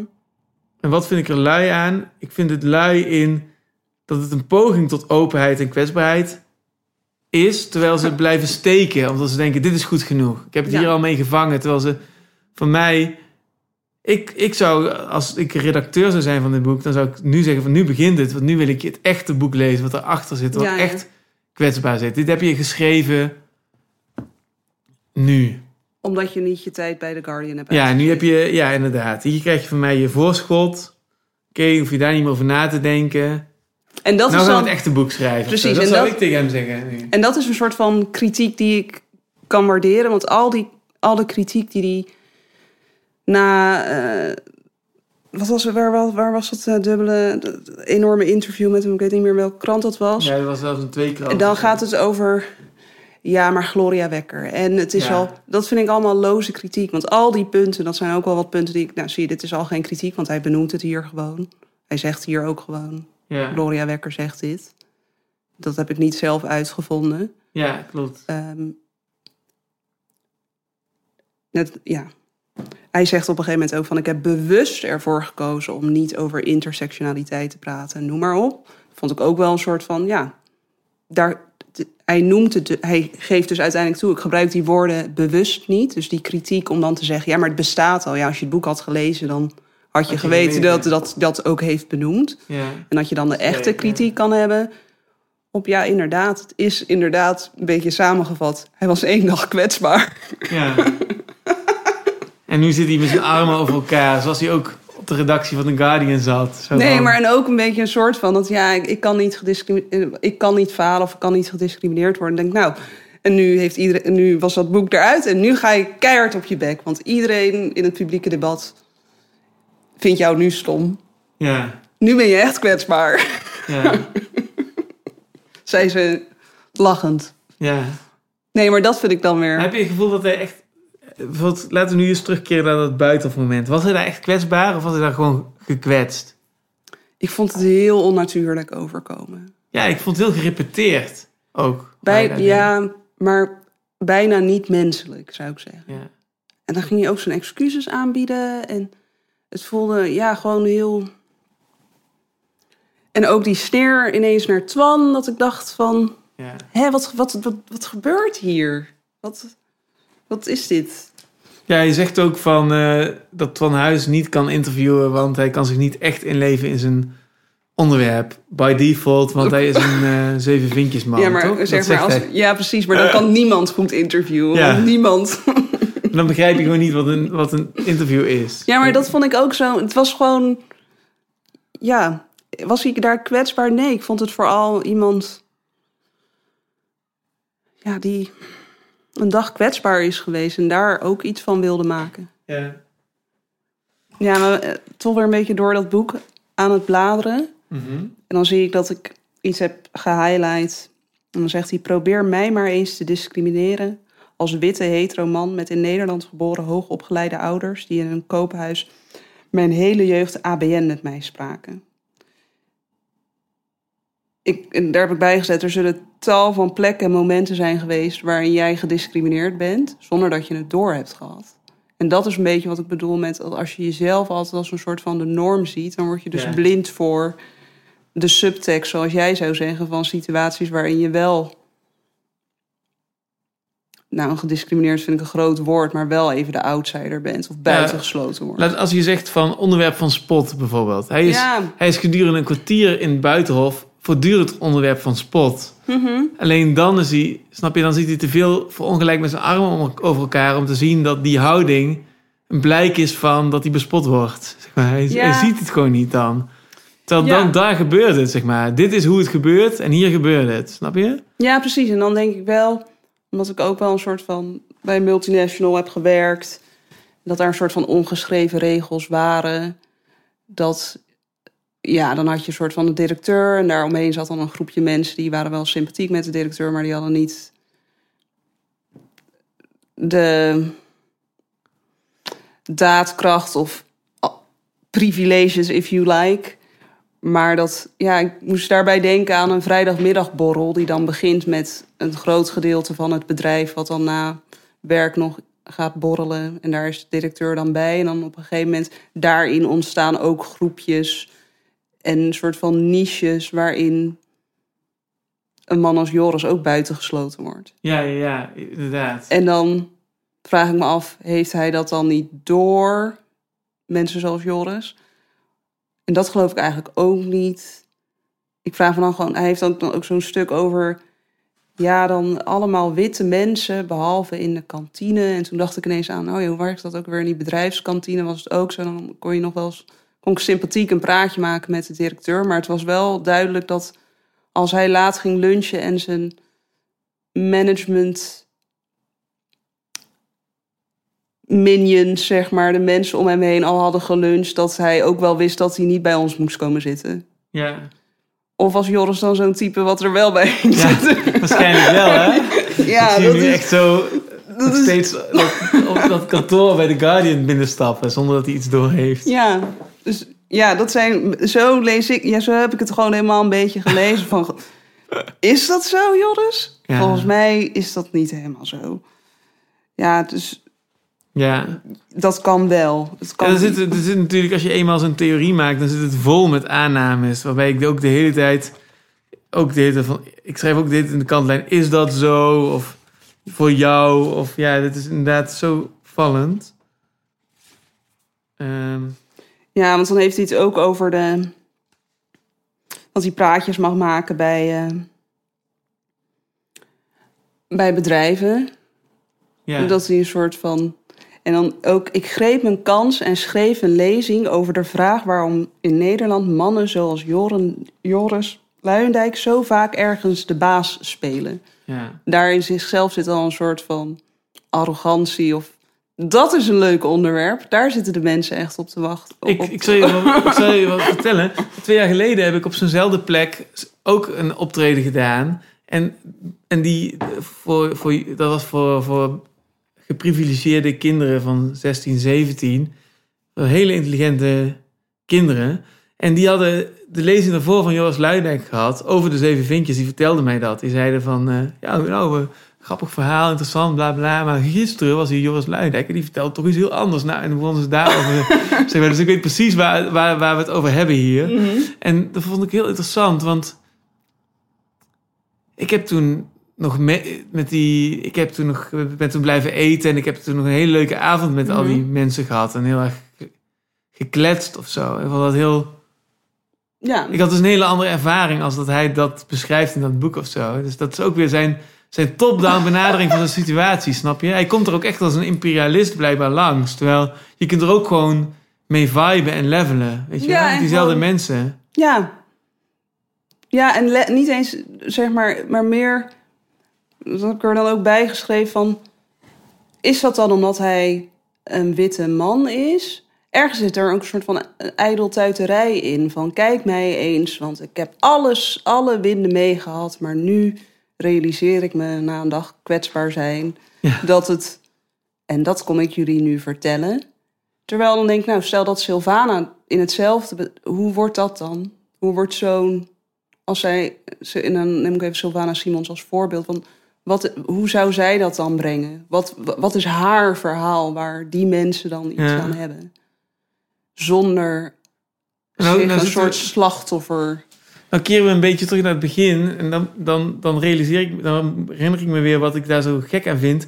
Kijk, ik kan met de beste wil van de wereld van dat Guardian voorbeeld geen ver- verhaal maken waarvan ik zou mezelf zou kunnen vertellen dat het mislukt was. Mhm. Snap je? Want als ik in Nederland 300.000 boeken zou verkopen over een onderzoek over banken, waarbij, ik, waarbij iemand mij zou zeggen van, wow, dat, eh, dat had ik nog nooit gerealiseerd, dat die bankenwereld op die manier in Mhm. elkaar zit. Ik, gaf, ik zocht, ik wilde iemand de schuld geven, maar nu zie ik dat, dat, nu zie ik de daadwerkelijke complexiteit van die bankenwereld in Londen. Dank je wel. Ik, ik, ik zie daar geen, geen mislukt verhaal in, snap je? Nee, nee, dus ik nee. vind de hele premisse dat, dat, dat, dat, dat hij daar een soort van Titanic moment heeft gehad. Ja, maar daar vind ik al, ben ik al, dat kan ik er niet inlezen. Dus dan denk ik van, hoe kun je dat ervan gemaakt hebben, snap je? Ja, precies. dat Maar dat is een beetje wat ik bedoel met de Kardashians. Van, is, dat, is dit echt een probleem? Was dit echt heel erg? Is dit... Zo zie ik het een beetje. Ja, het enige probleem wat, wat, wat, wat hij heeft, is dat, dat, in zijn, dat zijn droom om in Amerika op een schild gehezen te worden als een grote journalistieke vernieuwer eh, mislukt is. Ja, Net als de correspondent in Amerika, dat, dat hilarische boekje van Leendert eh, van der Valk, eh, wat ja de maar tip ik, van de dag is. is dat een beetje de soort van wat daar juist allemaal een beetje fout aan was? Dat ze een soort van het idee hadden van... Ja, het is gewoon die, die, die, die arrogantie van dat je wel eens eventjes in Amerika de journalistiek kan vernieuwen. Ja, Omdat je, je ziet natuurlijk allemaal Fox en CNN en je denkt, mhm. Dat moet beter. Ik ga er naartoe. Ik ga dat vernieuwen. In plaats van dat je denkt, het is hopeloos. ja, zo, snap je? Daar zit een totale waanzin in. ja, Dat is die gekte, zeg maar. precies. Ik denk dan... Dus misschien klinkt dat voor jou... Of voor de mensen die, de, die hier naar luisteren... als een soort van compleet off-topic. Maar dat is dat ik wel eens met mijn zus grapjes ma- heb gemaakt... van... Hoe lang zal het nog duren voordat de Ramadan aan ons wordt verkocht als iets wat super nieuw is en is uitgevonden door havermelk cappuccino drinkende vrouwen in yoga pants die mij nu gaan vertellen dat, dat het heel goed is om niet te eten tussen zonsopgang en zonsondergang. Terwijl dat, snap je wat ik bedoel? Ja. Een beetje zo, dat is een beetje wat iets, daar moet ik er altijd een beetje om lachen. Het is niet nieuw. Het is niet, eh, het is misschien nieuw voor Joris, maar het is niet iets nieuws. Ja, dus als ik er iets archetypisch in wil zien, Mhm. dan moet ik denken aan... Ik, ik, we zaten laatst weer eens de Gladiator te kijken, wat is- een geweldige film is. Ik, wel- ik vond hem eigenlijk nu beter dan toen ik het 20 jaar geleden zag. Want dat ik hem ook wel weer kon waarderen op archetypisch niveau. Mhm. En als je over die tijd nadenkt, over wat roem en eer en faam en eh, prestige is Mhm. in die Romeinse cultuur, daar is het heel helder. Hè? Als je die nu met, met, met Mhm. 2000 jaar na dato gaat bestuderen, dan zie je van, oh ja, je moet eh namen maken. Dus je zit in een leger en in het leger kun je opklimmen en, Mhm. en dan moet je slagen winnen. En dan word je een held, want Mhm. want je bent diegene die slagen wint. En dat gaat dan rond in een soort orale omgeving. Waar mensen Mhm. zeggen van, oh, Julius Caesar, wat ik nou heb gehoord, heeft weer een slag gewonnen. Die is Mhm. gewoon onoverwinnelijk, die gast. Ja. Oh, wat is, weet je, dat, dat is natuurlijk wat in die cultuur prestige is. En in Mhm. onze cultuur heb je ook prestige, maar dat zit op een andere manier in onze cultuur. En dat zit volgens mij in zijn hoofd van zo'n Joris Luindijk. Die is niet bezig met dat wij begrijpen hoe de bankencrisis in elkaar zit, zoals ik ook via de Wire begrijp hoe, hoe Baltimore in elkaar zit en daarmee iets beter begrijp wat het racismevraagstuk in Amerika is, waardoor ik iets beter begrijp wat Mhm. de westerse wereld is en hoe alles op slot zit. Maar hij is bezig met prestige, met een speldje op zijn mouw, Ja. zodat hij, weet ik veel, misschien is dat een soort van in zijn hoofd een vorm van geknuffeld of omhelst worden of zo. Ja. Ja. Dat weet ik niet hoor, maar dat is wat ik dan denk. Ja, nadat dat we er zo lang over praten, en denk van hij is gewoon daarmee bezig. Ja, en het zegt, legt misschien ook wel iets, iets typisch Ho- Hollands of Nederlands bloot. Dat we het, we hemelen, kunnen he- mensen wel heel erg ophemelen. En als ze er zelf in gaan geloven, dan schoppen we de stoel onder ze vandaan. Ja. Terwijl, dat is mijn hond. Terwijl we er eigenlijk nooit aan het begin is gevraagd: is dit nou wel echt goed? Is dit nou echt wel het beste? Snap je wat ik bedoel? Ja, ja, ja. Ja, dit is omdat hij nu zelf een soort van... eh, een hele zogenaamd open beweging van... Ik zie het licht, want... Ik heb een dan, slechte dag dan denkt iedereen, ja, dag. ja. Je boekjes mag in de winkel liggen, maar dat is nog wat anders dan dat we het waarderen dat jij doet wat je doet. ja. Oh, ja, dat. Ja, het is heel Maar ik- grappig maar ik eigenlijk. vind- Het is ik- heel tragisch. Ik ga het wel zo ont- onthouden. Joris die een slechte dag had bij The Guardian. En Ja. dat was aanleiding om... Ja, Ont- we, hebben, we, we vandaag eh, een poging gedaan om het als een boekbespreking of een boekenclub te benaderen. Kunnen we iets samenvattend zeggen? Wat, wat, vind wat, wat, wat, wat, dat, dat hoort een beetje bij het format, toch? Van een boekenclub. Wat, eh, wat, wat is je eindoordeel over dit boek? Over dit product? Ja, dat is eigenlijk al een beetje wat ik stuurde toen je zei dat je het ging kopen. Dat ik het toen een beetje benauwd kreeg. Want ik vind dat als je er dan geld voor gaat neerleggen. Ik heb, dit, ik, ik heb die e-reader voor mijn verjaardag gehad en ik kon dit gratis lezen. Nou, dat heb ik gedaan. Ehm, zou ik het kopen? Ik zelf niet, in alle eerlijkheid dat ik nu een soort van regel heb dat als ik dan een boek echt goed vind, dan koop ik hem ook fysiek. Ja. Je hebt, je hebt zo'n... Je, hebt zo'n eh, je, je had het over dat je, dat je zoontje computerspelletjes speelt. Ik Mhm. ben ook altijd een beetje eh, daarin blijven hangen dat ik dat graag doe. En goede besprekers die bespreken computerspelletjes op een schaal van... Moet ik het kopen? Ga ik het in de sale kopen? Ga ik het lenen? Of moet ik het gewoon niet aanraken? Moet ik het laten, links laten liggen? Dat, dat, dat is misschien wel een goede schaal. Wat, eh, of moet ik het bij de biep halen? Ja, Moet ik het van iemand lenen? Ehm, moet ik het kopen of kan ik het links laten liggen? Wat, wat is, wat is eh, de final verdict hier? ehm, ik denk voor mensen die zichzelf herkennen in Joris Luijendijk, die mogen het dan lenen. Ja, ja want dat is een van, de, een van de dingen die we al een beetje, die al een beetje zei toen we erover aan het chatten waren. Dat het heel interessant is, juist voor mensen zoals Joris Luijendijk. Dat is denk ik wel zo- zonder meer het effect van dit boek, wat, wat een mooie bijvangst is. Dus ja, die- precies. de mensen die de zeven vinkjes op de achterkant zien en denken van, verrek, dat ben ik. Die kunnen het lezen. Ja, en En dat voornamelijk was ook wel leuk. Ja, en ook als je een soort van in een kramp raakt, omdat je denkt. Ja, maar ik heb die zeven vinkjes, maar ik heb ook een keer een slechte dag gehad. bij- Snap je wat ik bedoel? Een soort. Ja. Ja. Nou, misschien is lenen ook wel heel vervelend. En dan voelt het ook een beetje als... als je naar die ondertitel kijkt... dan heeft hij dat boek ook niet voor mij geschreven. Dus ik zou het... Het is leuk. Ja. Nou, het is, leuk is een leeg woord. Het is leuk. Over een jaar weet ik niet meer waar dit over ging. Het is. ehm, ik ben het met je eens dat als je er iets over wil zeggen in de publieke ruimte, dan moet je het gewoon even lezen. Dat, dat, dat, ik denk dat, dat, dat we dat wel kunnen zeggen. Maar moet je er dat geld voor neerleggen? Ik zou zeggen, als je het bij iemand in de kast ziet staan, dan is het een perfect boek om even uit die kast te plukken en dan onmiddellijk even uit te lezen of mee naar huis te nemen en de volgende dag terug te brengen. Ja, Dan heb je het gelezen en dan heb je ook meteen vrij spel om er alles over te zeggen. En je te, daarmee te distancieren van, van Mhm. 90% van Nederland die er iets van vindt zonder het gelezen te hebben. En dat is winst. Ja. Maar je hoeft het niet te lezen om wat erin staat. Meer, nee. Nee, dat is denk ik een goede samenvatting. ik vind altijd een bespreking ehm, ge- geslaagd als je tijdens de bespreking iets tevoorschijn haalt wat je daarvoor nog niet had bedacht. Dat je denkt van, oh, dat is echt, ik heb echt iets geleerd gedurende de bespreking. Mhm. En wat ik zelf heb geleerd van onze bespreking, is dat we naar dit boek moeten kijken als een zelfportret. Mhm.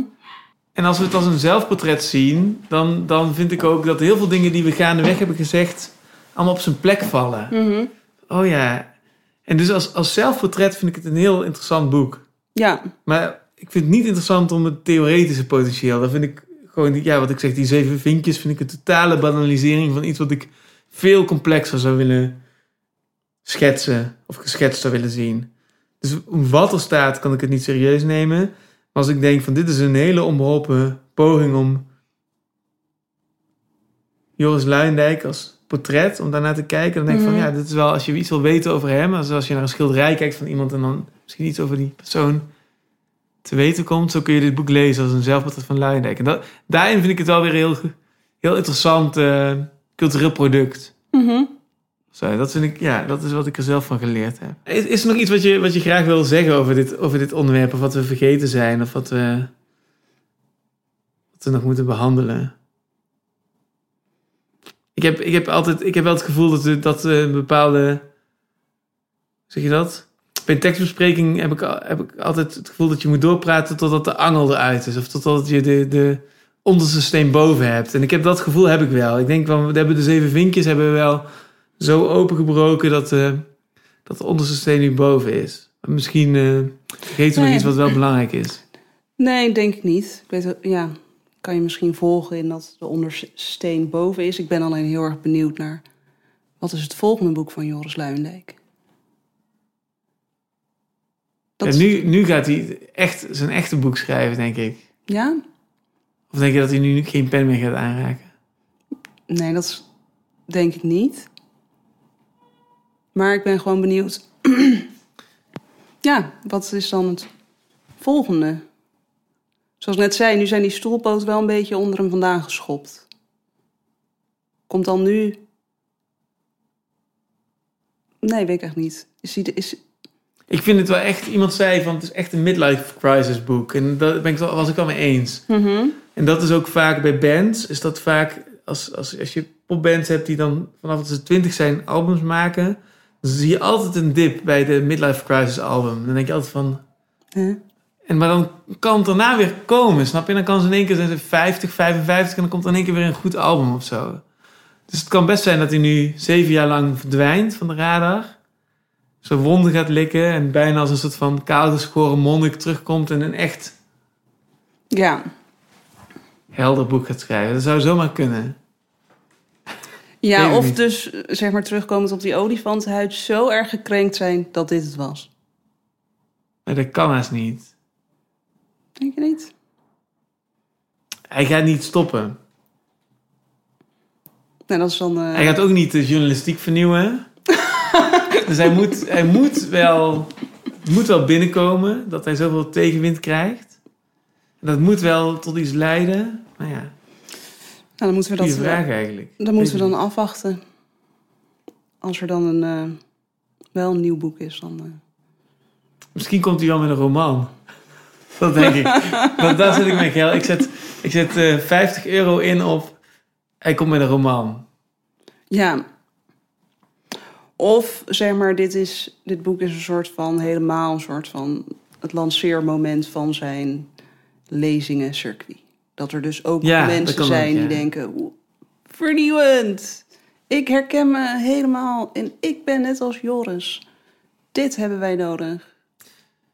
Als je de, de gedachten afmaakt die hij zelf inzet, dan kan het niet anders dan dat je op een gegeven moment op het idee moet komen dat je andere mensen ruimte moet geven. Snap je? Dat is logisch. Dat is ook altijd mijn grootste bezwaar bij dit, bij het theoretische aspect van wat hij zegt. Snap je? Hij neemt een, heel veel podium om te zeggen van waarom krijgen mensen als ik een podium? Maar dat, Mhm. dat, dat ironiseert hij wel, dat haalt hij wel onderuit. Maar dat doet nog geen afbreuk breuk aan die beweging. Hè? Dus je gaat Nee. van, waarom staan er toch altijd mensen zoals ik op dit podium? De, de, Ja, het enige wat je dan kan doen is dat je op een gegeven moment zegt van... En dit is zo vaak aan de hand en zoveel mensen doen dit. En het enige wat je dan uiteindelijk moet doen is ruimte maken. Snap je? Ja, En, en zoals De Wereld Draait Door dat ook heeft gedaan met dat programma van boeken van, eh, van hoe heet het, van, eh, hoe heet die nou? Adriaan van Dis. mhm. Dit is Adriaan van Dis als onderdeel van De Wereld Door. Je ziet natuurlijk dat imperialistische van De Wereld Door, overal die sticker op zit, maar daar, Mhm. dat gaat Joris Luijendijk doen. Snap je? Hij gaat een podium of een platform creëren waarin andere stemmen in dit Joris Luijendijk-universum eh, kunnen weerklinken. Dat denk ik. En dan hoor ik toch een soort van oordeel in de manier waarop je dat zegt. Ja, want dat, dat, dat zou ik heel lelijk vinden. Ja? Ja, dat vind ik. Ja, dat snap je. Dan moet, als je, als je echt gelooft in dat je plaats moet maken, dan moet je plaats maken. Mhm. Snap je? je hebt dat, ik weet niet, dat, ik, er zat ook een notitie in, daar moest ik in één keer aan denken. Je hebt een theatermaker, ehm Jozef van den Berg. Mhm. En die, die, dat was een poppenspeler en die speelde op wereldniveau. Die trad overal op. En die is van de ene op de andere dag in een fietsenhok gaan wonen. Mhm. Hij kreeg een soort van, ineens werd hij gelovig. En hij ging zijn leven helemaal aan God wijden. Mhm. Nou, dat is plaatsmaken. Ja. Snap je? Gewoon in dat fietshok gaan wonen. En verder niemand meer lastig vallen. Gewoon zelf naar binnen keren in je fietsenhok. Snap je? Ja. Dan zou ik denken van, ah, waar is, wat is, eh, waar is Joost Luindijk? En dan zou je zeggen van, ja, hij woont in zijn fietshok. Dus dat zou, dat zou een heldere, Echt, zuivere... Dat zou echt plaatsmaken zijn. zeg. Ja, inderdaad. En al het andere is vertoon. En dat vind ik prima. Maar kom dan niet met je halve theorie en denk dan door waar het echt over gaat. En vang de echte complexiteit. Ja, Snap je? ik snap hem. Denk Alleen vraag ik me dan af, ja, geeft dat dan het gewenste resultaat? Maar nu gaan we weer, we beginnen we eigenlijk weer opnieuw. Ja, nou dan kan je nu weer van, van vooraf aan aanzetten in zo'n eindeloze cyclus. Ja, zijn we eruit? ik denk het wel. Ja, leuk. Ja, ik wil dan, dan, dan heel erg bedankt eh, voor, dit, eh, voor dit idee. Je bent eigenlijk de podcastvernieuwer vandaag voor mijn format. Dus we hebben weer iets heel anders gedaan dan anders. Maar ik vond het heel leuk om, eh, om, om, om het format dus op een weer hele frisse nieuwe manier te benaderen. Dus heel erg bedankt voor je tijd en aandacht en energie. En Ja, jij ook bedankt.